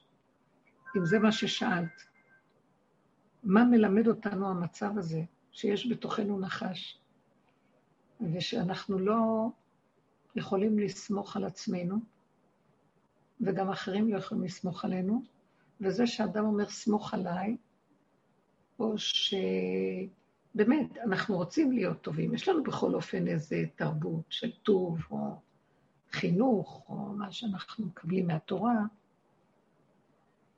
האדם צריך להכיר את התוואים שלו. בדרך הזאת עשינו עבודה מדהימה, ששמנו פנס בחורים ובסדקים של עצמנו. למה? לא שהתנדבנו לזה, אבל מי שנכנס בעבודה, עיקר העבודה שלנו היה זה בזמן ההתנסות. בזמן שאנחנו בין בני אדם, בעולמות, הכול, וכל רגע אנחנו רואים את עצמנו איך אנחנו נראים. ועכשיו אנחנו לא רוצים להצטדק בפני השני ולהיות צודק ולהתווכח ולהתנצח. באמת, אני רוצה לנצח, אני רוצה להיות יכול. ברגע שאני עוזב את השני וחוזר פנימה ורואה איך אני נראה, אני מתחיל לראות את השורש פורה של השקר שנמצא בתוכי. אני רואה את האינטרסים שלי, אני רואה את החשבונאות, אני רואה שיש לי איזו נגיעה ואני מסובב את השני, אפילו אני לא יודע שזה קורה, אבל בכל דבר אנחנו רואים, יש את המהלך הזה כל הזמן. אנחנו, אם היינו באמת עובדים להסתכל, לראות איך אנחנו רואים, היינו מפרקים את החיים אחד לאחד, ולא היינו מאמינים בעצמנו בשום צורה, כמו שאמרו חז"ל, אל תאמן לעצמך עד יום מותך. היחסים שלנו בזוגיות, יש בהם המון שקר, ואנחנו לא עושים את זה בכוונה. וכל הזמן אנחנו בתסכול, כי אנחנו בסך הכל תמימים, ורוצים, וחושבים שאנחנו באמת רוצים את הכי טוב.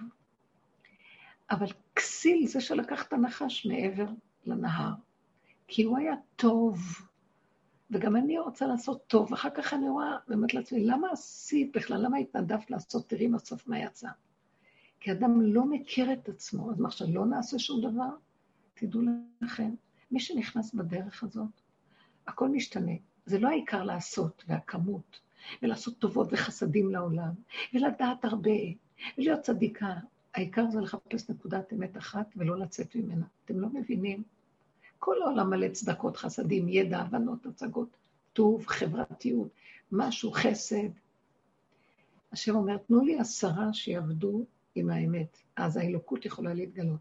זה מאוד טוב שעושים חסד, זה מאוד טוב שאנחנו עוזרים אחד לשני, ושאנחנו קשורים ובחברתיות. אז בעולם אפשר לחיות אחד עם השני טוב. אפשר לחיות, אבל אלוקות אין. גם שחיים אחד עם השני, אחרי רגע יש על זה, בליבו על זה, וזה אומר, מה, מה, נתת חסד, איזה חסד זה, זה גם משהו, מה אתה עוד מצפה שאני אעשה לך גם, מה? אין ערך, אחרי, אפילו שבאותו רגע יש ערך, אחרי רגע בן אדם חושב בליבו, גם זה משהו, מה הוא רוצה שאני אשתחווה לו עכשיו? ככה חיים כל הזמן. מי רוצה להגיע, תגיד, אני נמאס לי, אני רוצה להגיע לתודעה אחרת, אז זה כדור אחר, תעצרו, אני רוצה לרדת מהכדור. מה הכוונה לה? זה אותו כדור. אבל זה כשאני עושה חסד למישהו, אני לא רוצה לדעת שעשיתי, וגם לא מחפש ממנו שום הכרת הטוב, ושום, אה, מה שנקרא, אה, הכרה. עשיתי, אם עשיתי, עשיתי לעצמי. תודה, וגם זה לא אני עשיתי, זה סיבה שהשם שלח לי ואני רק המוציא לפון. זה לא קשור אליי כלום, העולם של השם לא קשור אליי כלום. מה דעתכם? אז השם אומר, תנו לי בן אדם אחד שהולך ככה, עושה פעולה אחת כזאת, תנו לי אחד כזה. איפה יש אחד כזה? כשאתם עושים, כשהוא אומר לנו, כשאתם עושים, אל תעשו מתוך האינטרסים, עדיף לכם לא לעשות. תיכנסו לתוך עצמכם ותחיו עם נקודת האמת, תעשו דבר הכי קטן, זה שווה מיליונים שאחרים עושים. אתם לא מבינים איזה ערך יש לנקודת אמת, שעושים שם פעולה אחת קטנה טובה. ולא הכל מוחצן, הכל תראו, תראו אותי, אני נותן, אני עושה, אני בעל חסד. אפילו אם אני לא רוצה שאחרים יראו, ביני לבין עצמי, במוח שלי הכל נגנב. אני עשיתי, ואני רושמת בספר הזיכרונות והחשבונות, עשיתי, כתבתי, נתתי, אמרתי. הכל נגנב, זה מאוד קשה, אז מה לא לעשות? אני, בשורש, מה שראיתי בתוואים שלי, כל אחד צריך לראות, והשם נתן לי סוג של נשמה שהיא, יש לה נקודה פרטית, יש לה גם נקודה כללית, היא כללית. ואני אוהבת אנשים. בהתחלה עסקתי עם כל מיני חסד, צדקה, היה מוסד של של הרבה דברים טובים שעשינו, לא חשוב עכשיו. היה בציבור, אחרי כמה זמן ראיתי שהשם מצמצם אותי ואומר לי, את מדי רחבה עם, ה... עם הנשמה הכללית, לכי יותר בצמצום. אז הוא צמצם אותי יותר בעשייה, בעשייה, בפועל. תן לי להסתובב, לעשות, לדבר, להיות עם אנשים, אבל בעשייה שפעם הייתי עשויה, עשו, עושה בחסד, הוא צמצם אותי למשפחה. אחרי כמה זמן, בתוך שנים, בתוך הצמצום הזה, אני רואה שהוא מצמצם אותי עוד. והוא אומר לי, את יכולה להרפות אחיזה? לא שאני אחוזה, זה כאילו תמיד אנחנו בתפקידים, אבל אני רואה שהוא שם אותי בתפקיד הזה, ואז אני מתמסרת לתפקיד. מדי פעם אני רואה שהוא אומר לי, תרפי, תרפי, שחררי, שחררי, שחררי. אז אני אומרת לו, אבל אתה בראת אותי נשמה ששייכת לכלליות, אז אתה רוצה שאני ארפה? אז הוא כאילו אומר, אמרתי לו, אתה בראת את זה בתוכי, תרפה אתה. שמעתם? כי זיהיתי מההתבוננות שלי שהוא נתן לי נשמה כזאת, הוא נתן תפקיד כזה, ועכשיו הוא אומר לי, תרפי. אז אני יכולה להגיד לו, אני מוכנה להרפות, אבל אני לא יכולה. אתה יכול בבקשה לעזור לי, זה נשמה שנתת לנו. כי אנחנו מזהים שיש מה שנקרא האחיזה של עץ הדת, והאחיזה של השקר. חוץ מזה, אחרי הרבה עבודה, יש גם אחיזה של הטבע שהוא נתן לנו, שהוא כבר התנקה, הוא נהיה כבר ניפינו אותו, והוא נשאר עדיין טבע שהוא נתן, שטבע לא משתנה. טבע לא משתנה, נשמה כללית תישאר כללית. אבל הכלליות שלה לא חולש על, על שטחים. הוא אומר, תחלשי על חלק קטן, שה, כמו נקודת אטום קטנה שממנה הכלל הכי גדול יפעל.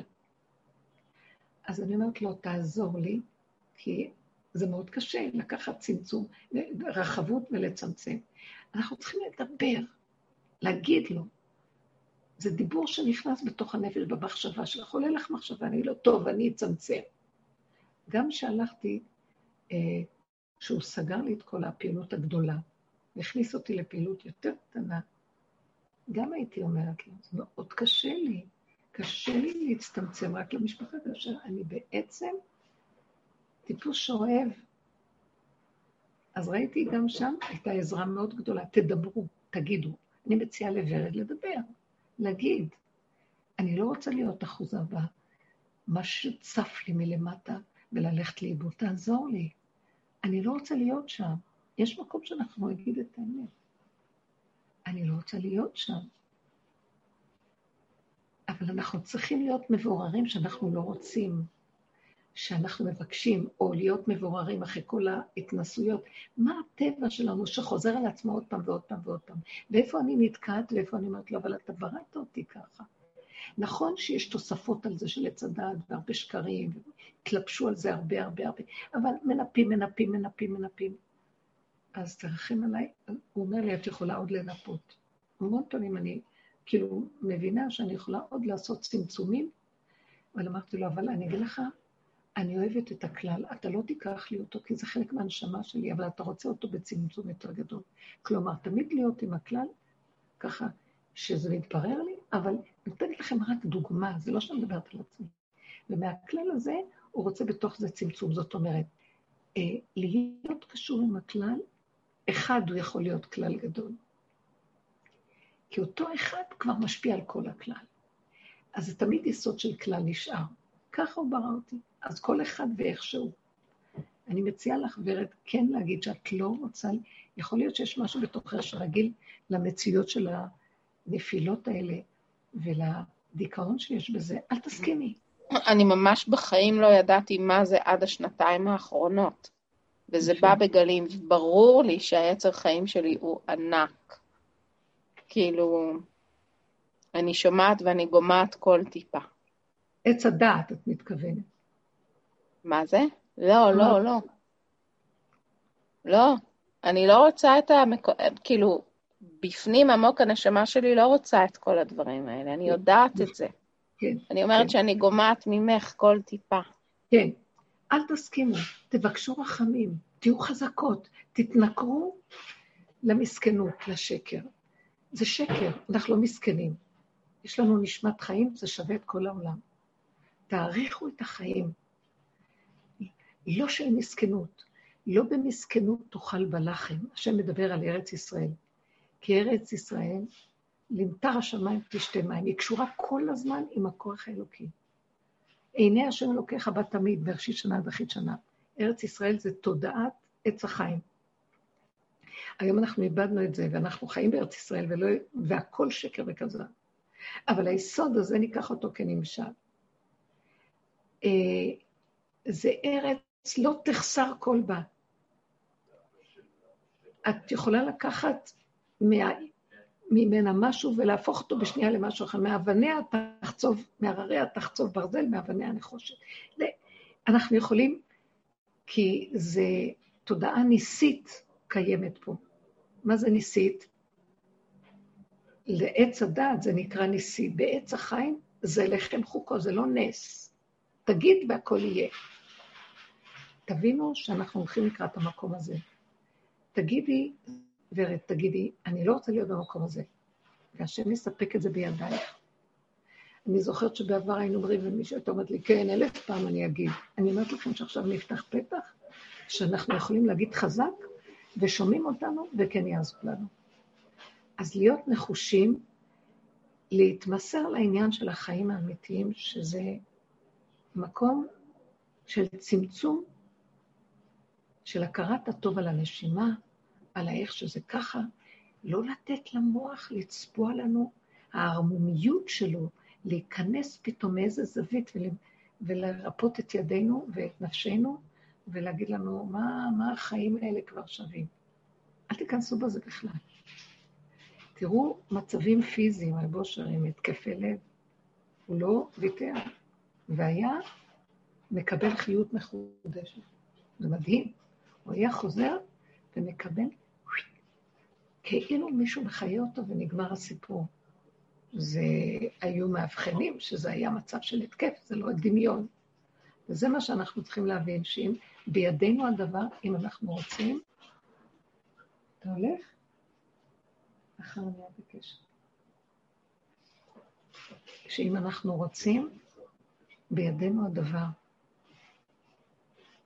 הכוח שיש בתוך האדם זה, זה, שימו לב מה הוא נתן בידו, אלוקות נכנסה בתוכו. אבל שלא יחשוב לרגע אחד שזה הוא. תחושת האני העצמי מפילה אותו, אבל יש בתוכו ממש. זה מה שרבו אושר היה אומר, שהוא והשם ככה. למה? כי הוא איבד את הישות העצמית, ואז כל מה שעובר בתוכו, זה היה בורא עולם. תראו איך הוא ראה את זה. אנחנו דומרים, לא, זה אני, והשם בשמיים. מה שהוא לא עשה, הוא ראה שזה השם אומר, אני מרים את היד, אם אני הרמתי אותה, זה בורא עולם מרים לי את היד. אני אומרת, אני מרים את היד. השפה משבשת אותנו, כי זה שפת עץ הדת. אני, אני מרים את היד. אז זה מטעה את הבן אדם, זו תודעה כזאת שמטעה. אבל לאט לאט, בערבות הזמן שאנחנו נכנסים למהלך הפנימי של הדרך, לא צריך הרבה לדבר, רק לצורך. אבל באמת באמת, פחות פחות לדבר, אפשר לתקשר בחיבור פשוט, במש... במשמעות פשוטה, קיומית, איך שזה ככה, הכל בסדר, לא חסר דבר. רבנית מרים. כן, מרים. אני שאלתי בכל השאלות האלה על האדם והנחש, ורציתי לשאול באמת, איך בהוויה המושלמת הזאת, בגן עדן לפני החטא, איך הנחש הזה הגיע, איך הוא היה שם, מה... איך... בגן עדן היו כל מיני יצורים, לא בגן עדן, כאילו בעולם שהשם ברא, כמובן גם בגן עדן, אבל בבריאה שברא הבורא, את רואה, בכל ששת ימי הבריאה היו כל מיני יצורים. היו כל מיני מינים. הנחש זה משהו שהוא גם היה מהיצורים, כך כותב הלשם, הוא גם היה מהיצורים הנבראים, שדיברו גם בשפת אדם. היה הולך זקוף, הוא היה... זקוף. הוא היה מתהלך כאדם, הוא שירת את האדם, הוא היה שרת גדול של האדם. אבל כתוב באיזשהו שלב, מה שאני קראתי, שנכנס בו הרעל של הסמ"ם, שזה עוד מעולמות קדומים של השבירות הקדומות שהיו, ושם, ושם התהפך, הוא היה משרת את האדם, ושם התהפך הכל, וזה מה שהכשיל את האדם הראשון, שהוא הקשיב לו. זה קשה, לא חשוב, זו שאלה שאנחנו, אבל היה כל מיני, היו גם כל מיני חלקים שירדו מהעולמות הקדומים שהיו נצרכים לתיקון. אז זה לא שזה היה מושלם. הבריאה הייתה מושלמת, חדשה, אבל היו כל מיני אה, נבראים שהם השתאבו מהבריאות הקודמות והיו נזקקים לתיקון. למה זה נקרא הבראשית, בריאת בראשית נקראת עולם התיקון. לא היה קודם בעולם מצב שנקרא תיקון, היה רק קלקול. והבריאה הזאת נבראה, ונברא בה אדם עם מדרגה אלוקית כזאת, כדי שיתקן. והנחש, זה לא הנחש לבד, הנחש היה גם יצור ששירת את האדם, אבל נכנס בו כוח שהוא שורש מאוד מאוד גבוה של, של הקלקולים של העולמות הקודמים, שהצליח להיכנס בו ולהפך את הכל. אז יכול להיות שגם עכשיו, בימים האלה, יש עוד רשימו של כל החלקים האלה של העולמות הקודמים שמפריעים לנו אה, לעזוב את עץ הדעת ולעשות את העבודה. בהחלט, בהחלט, בהחלט. העולם עבר תיקונים מאוד גדולים דרך לימוד התורה ועם ישראל והאיסורים שלנו וכל מה שעברנו. אנחנו עשינו תיקון מאוד גדול לבריאה. בעצם הלימוד של התורה, הקיום שלה והגלויות הנוראיות והאיסורים שעברנו. עובדה שהוא שם אותנו בתוך האומות העולם כדי לתקן. אבל עם כל זה, אה, יש שורשים קשים בתוך העולם. תסתכלי רק על התקופה שהיה דאעש בעולם וכל מה שהם היו עושים. אה, כל השואה שהייתה לא מזמן, והרוע שיצא. אה, לא צריך ללכת רחוק, יש כל כך הרבה מצבים של השלילה הגדולה, שכל האנטיפדות שהיו כאן ושחטו אנשים, הרגו ילדים והורים בבית, זה לא מצב שהוא...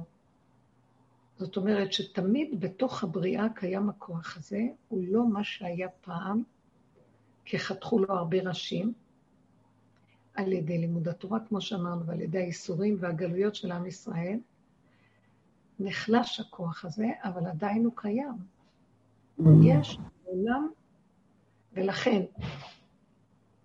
כל המהלך שהתורה נותנת לנו להיזהר, להישמר, הכללים, הסייגים, הם חשובים.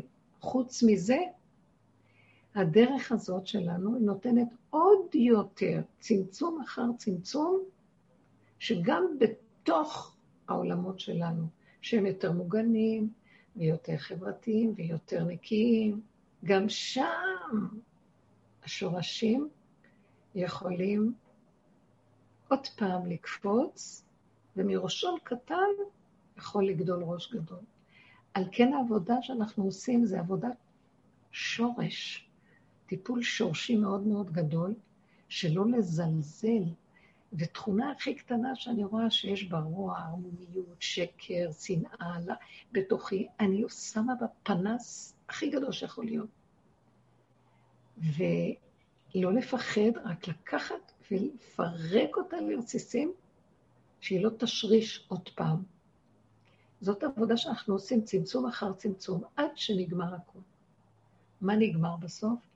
אנחנו נשארים חלשים, גלמים, נגמר לנו הכוח, כי זה דורש המון חוזק והתבוננות ודריכות וערנות גדולה. וגם עוד שאלה, אם אפשר, אמ, שמעתי, אמרו לי שהרמב"ם אמר שאדם הראשון לפני שהוא אכל מעץ הדעת, הוא ידע, הוא לא הבחין בין טוב ורע, אבל הוא הבחין בין שקר ואמת. זה הרמב"ם כתב. אז את יודעת, יכולה להתייחס לזה? או שאני לא, או ש... הוא אמר להם, הוא אמר להם באמת, שברגע שאתם אוכלים מעץ הדעת, אתם, איך קראו לעץ הדעת? עץ הדעת טוב ורע. זאת אומרת שעץ הדעת יש לו פרשנות, מה זה טוב, מה זה רע. זה משמעות, התרגשות, תופס את המחשבה ואת מתרגשת, מתגרשת מנקודת המוקד, הנתון הפשוט, האקסיומטי. אז עץ הדעת יש בו משהו של רחבות ופרשנות, משמעות, ומשנה את הדבר. ואז זה יכול ברבות הזמן ליצור מציאות של שקר. Mm. אבל מה שהרמב"ם אומר זה שהיה שקר קודם כבר בגן. זאת אומרת שיכול היה להבחין בין שקר לאמת. כלומר, שהאדם הראשון יכול היה להבחין יצורים, הלוא הבריאה הזאת שלנו, בריאת בראשית,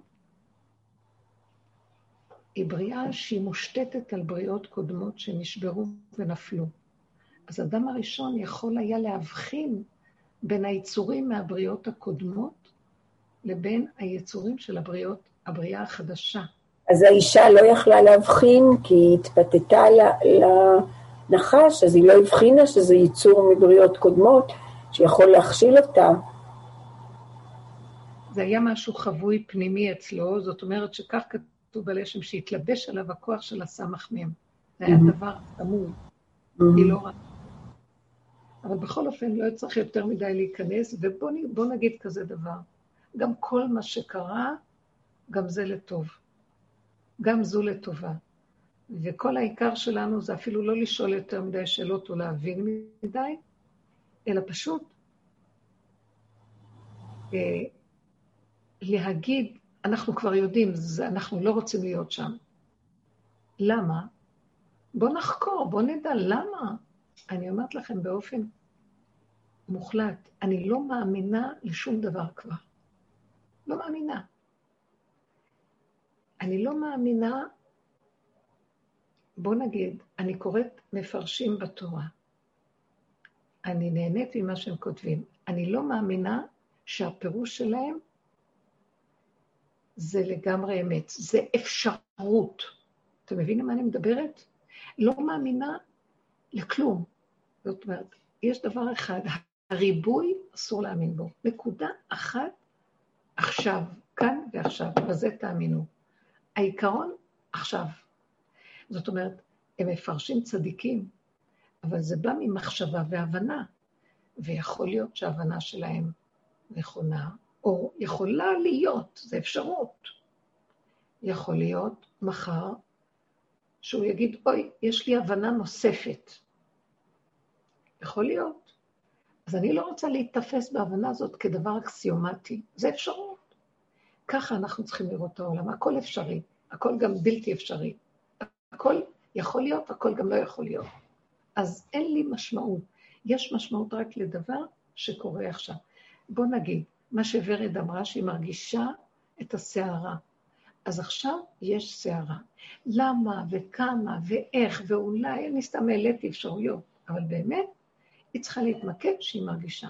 זאת הנקודה הפשוטה, ולא להתרחב על זה עד שזה ידעך. נותנת לזה סבלנות, נשימה, הכנעה, קבלה, וזה נעלם. אסור לנו להאמין בזה. לא, את צריכה חיזוקים, כי עברת כל כך הרבה בילדות, לא יודעת מה השטויות, אני לא יודעת. לא רוצה להיכנס בזה. לא רוצה לתת לאנשים האלה חיזוקים. אני רק רוצה להגיד להם, החיזוק הכי גדול שיש לתת לך, תיתן לזה כוח, ואתה יוצא, אתה מציל את החיים שלך. תתמיד במקום הזה ותראה ישרות. עוד פעם, עוד פעם, עוד פעם, עוד פעם. זאת אומרת, אני רוצה... היום, בצורה של עץ הדעת טוב, אנחנו מטפחים את המסכנות של השני ונותנים, מבינים אותו ורוצים לעזור לו ונותנים לו יד. אני יכולה להבין, יכולים לתת יד. זה באמת, יש רגע של רחמנות, אבל אסור יותר מרגע, בשום דבר. כי הכל מכזב פה. הכל זה עם החותם של עץ הדת. כמעט ולא, כמעט ולא נמצא מציאות שאנחנו יכולים לצאת ממנה. בראש. אז בסדר, אנחנו לא נתנכר לעולם ולאנשים ונגיד שכולם שקרנים והכול, תמיד יש את היסוד ובשנייה אחת הכל יכול להתקלקל. צריכים להתהלך קצת סגורים, קצת. לא להראות פנים מנוכרות ושלא אכפת לנו, אבל אחרי רגע שחייכנו, אמרנו, נגמר. תקשיבו, אנשים רחבים ביחסים שלהם, רחבים ב... בהתפעלות, רחבים בהתרגשות, רחבים בתגובות.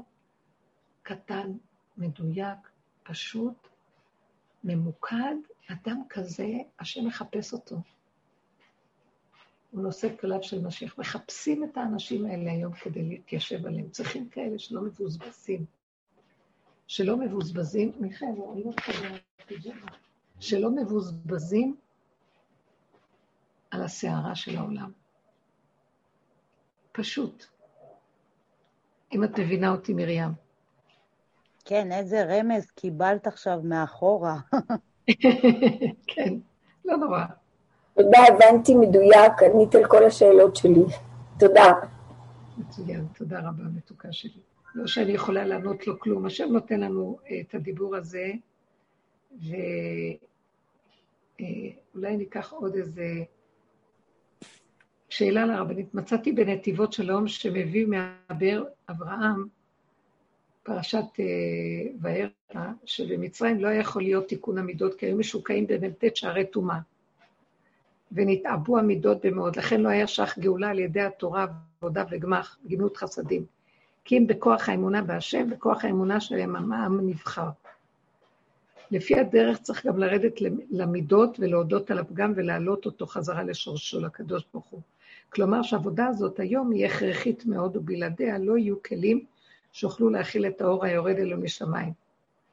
היום אני חושבת שצריך לפעול היום להכנת תוכניות מיוחדות שמכשירות אותנו למטרה הזו של עבודת המידות. והאם די בקבוצת הנשים החב... של החברותות שבדרך כדי להביא את הגאולה מיוחלת? חמודה, איזו שאלה. אה, באמת נחזיר לזה שמצרים, כשהם רק יצאו ממצרים, אי אפשר היה בשום אופן לעשות את העבודה שלנו. בשום אופן להסתכל על הפגם בלתי אפשרי.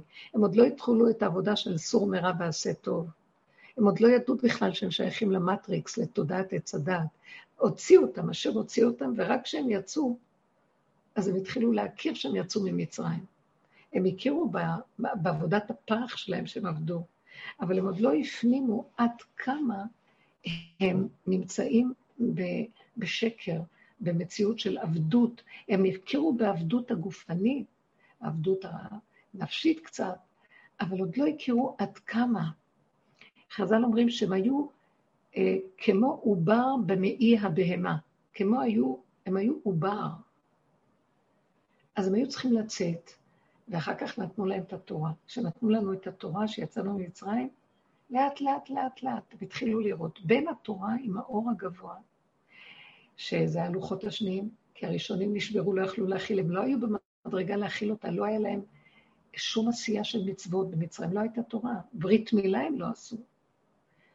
אה, שום דבר. השם נתן להם שתי מצוות, מצוות הפסח וברית מילה גם. כי לפני כן לא מלו, לא היה להם, לא עשו אפילו ברית מילה.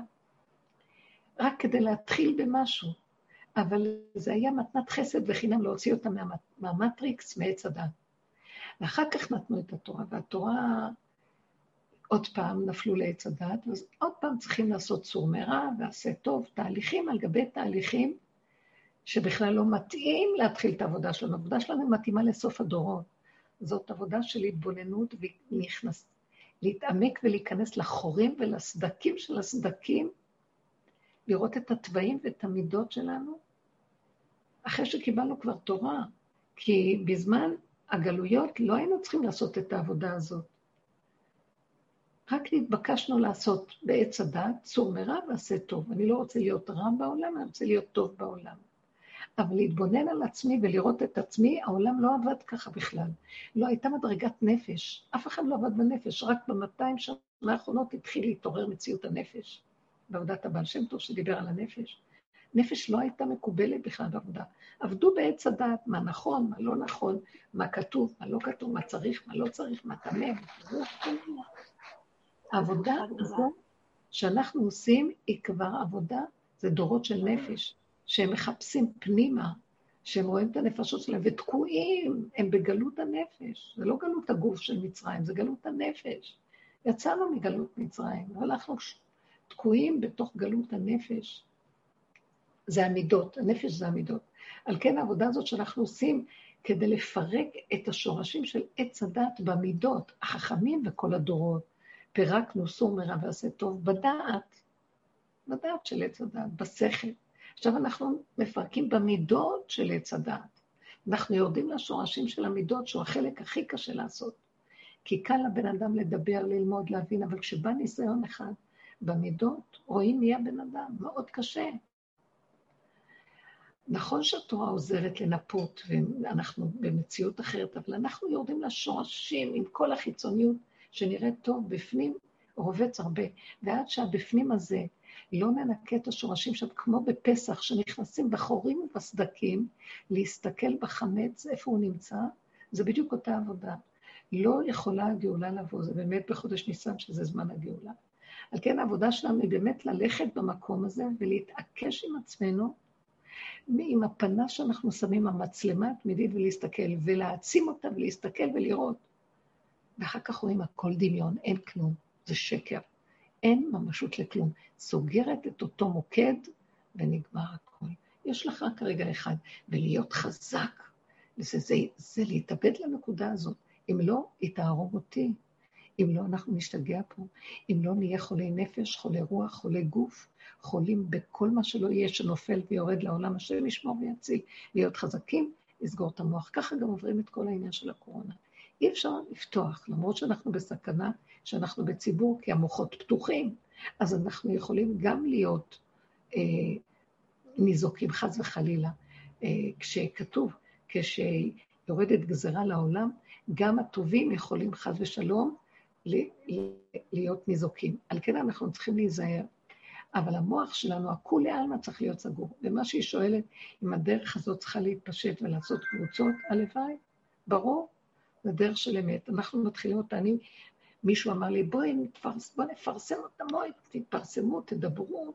אמרתי לו, שמע, שמע, אל תתחיל לפתות אותי, אני בסכנת עולם. גם ככה, במעט שבמעט עוד בכלל יצאתי לכזה, לדבר במחשב, בזום, אני לא נוהגת בכלל, אבל דע לך, מהקצת הזה יכול לעשות הרבה. אבל בסופו של דבר, מה זה אכפת אם יושבים כאן 20, 50 או 200? הדרך הזאת צריכה לצאת בעולם. ובושר אמר, אין דרך אחרת. זו הדרך היחידה להביא משיח, כי דרך אמת. היא לא הולכת על הדמיון החיובי, היא מפרקת את השלילה, ואנחנו מקבלים עוצמה פנימית. אנחנו לא עובדים בכוחות הפרטיים שלנו, זה לא יכול להיות. אה, מלווה אותנו כוח אלוקי שעוזר לנו בכל התהליך הזה, וזה המקום שאנחנו צריכים לנצל את העבודה הזאת כדי להגיע לתכלית. ואל תישברו ואל תתבלבלו. איש את רעהו יעזור, נעשה שריר, נחזיק את הלב, נוריד את כל הדעת הזאת, תסגור אותה ונוריד אותה לתוך הבשר ודם, ושם יש חוזק מאוד גדול ששומר עלינו, השם איתנו, ונראה ישועות, ונהיה כלים, קודם כל להקים את השכינה, ואז אה, משיח נמצא במקום הזה של הקמת השכינה, הוא יורד למקום הזה כדי להקים, ואז אנחנו נושאי כליו ועוזרים בכל התהליך הזה. הקדוש ברוך הוא יעזור לנו. שהתחברו העליונים והתחתונים. כל אלה שעשו עבודות בדורות הקודמים הם בחינת אה, תלמידי חכמים, חכמים קודמים, הם בחינת השושבינים של הקדוש ברוך הוא, ואנחנו השושבינות, שושביניות של המטרוניתא, של השכינה. אז אנחנו, כל אלה שעובדים, זה גם זכרים יכולים לעבוד בזה. רב אושר היה שושבינה דמטרוניתא, מה שנקרא.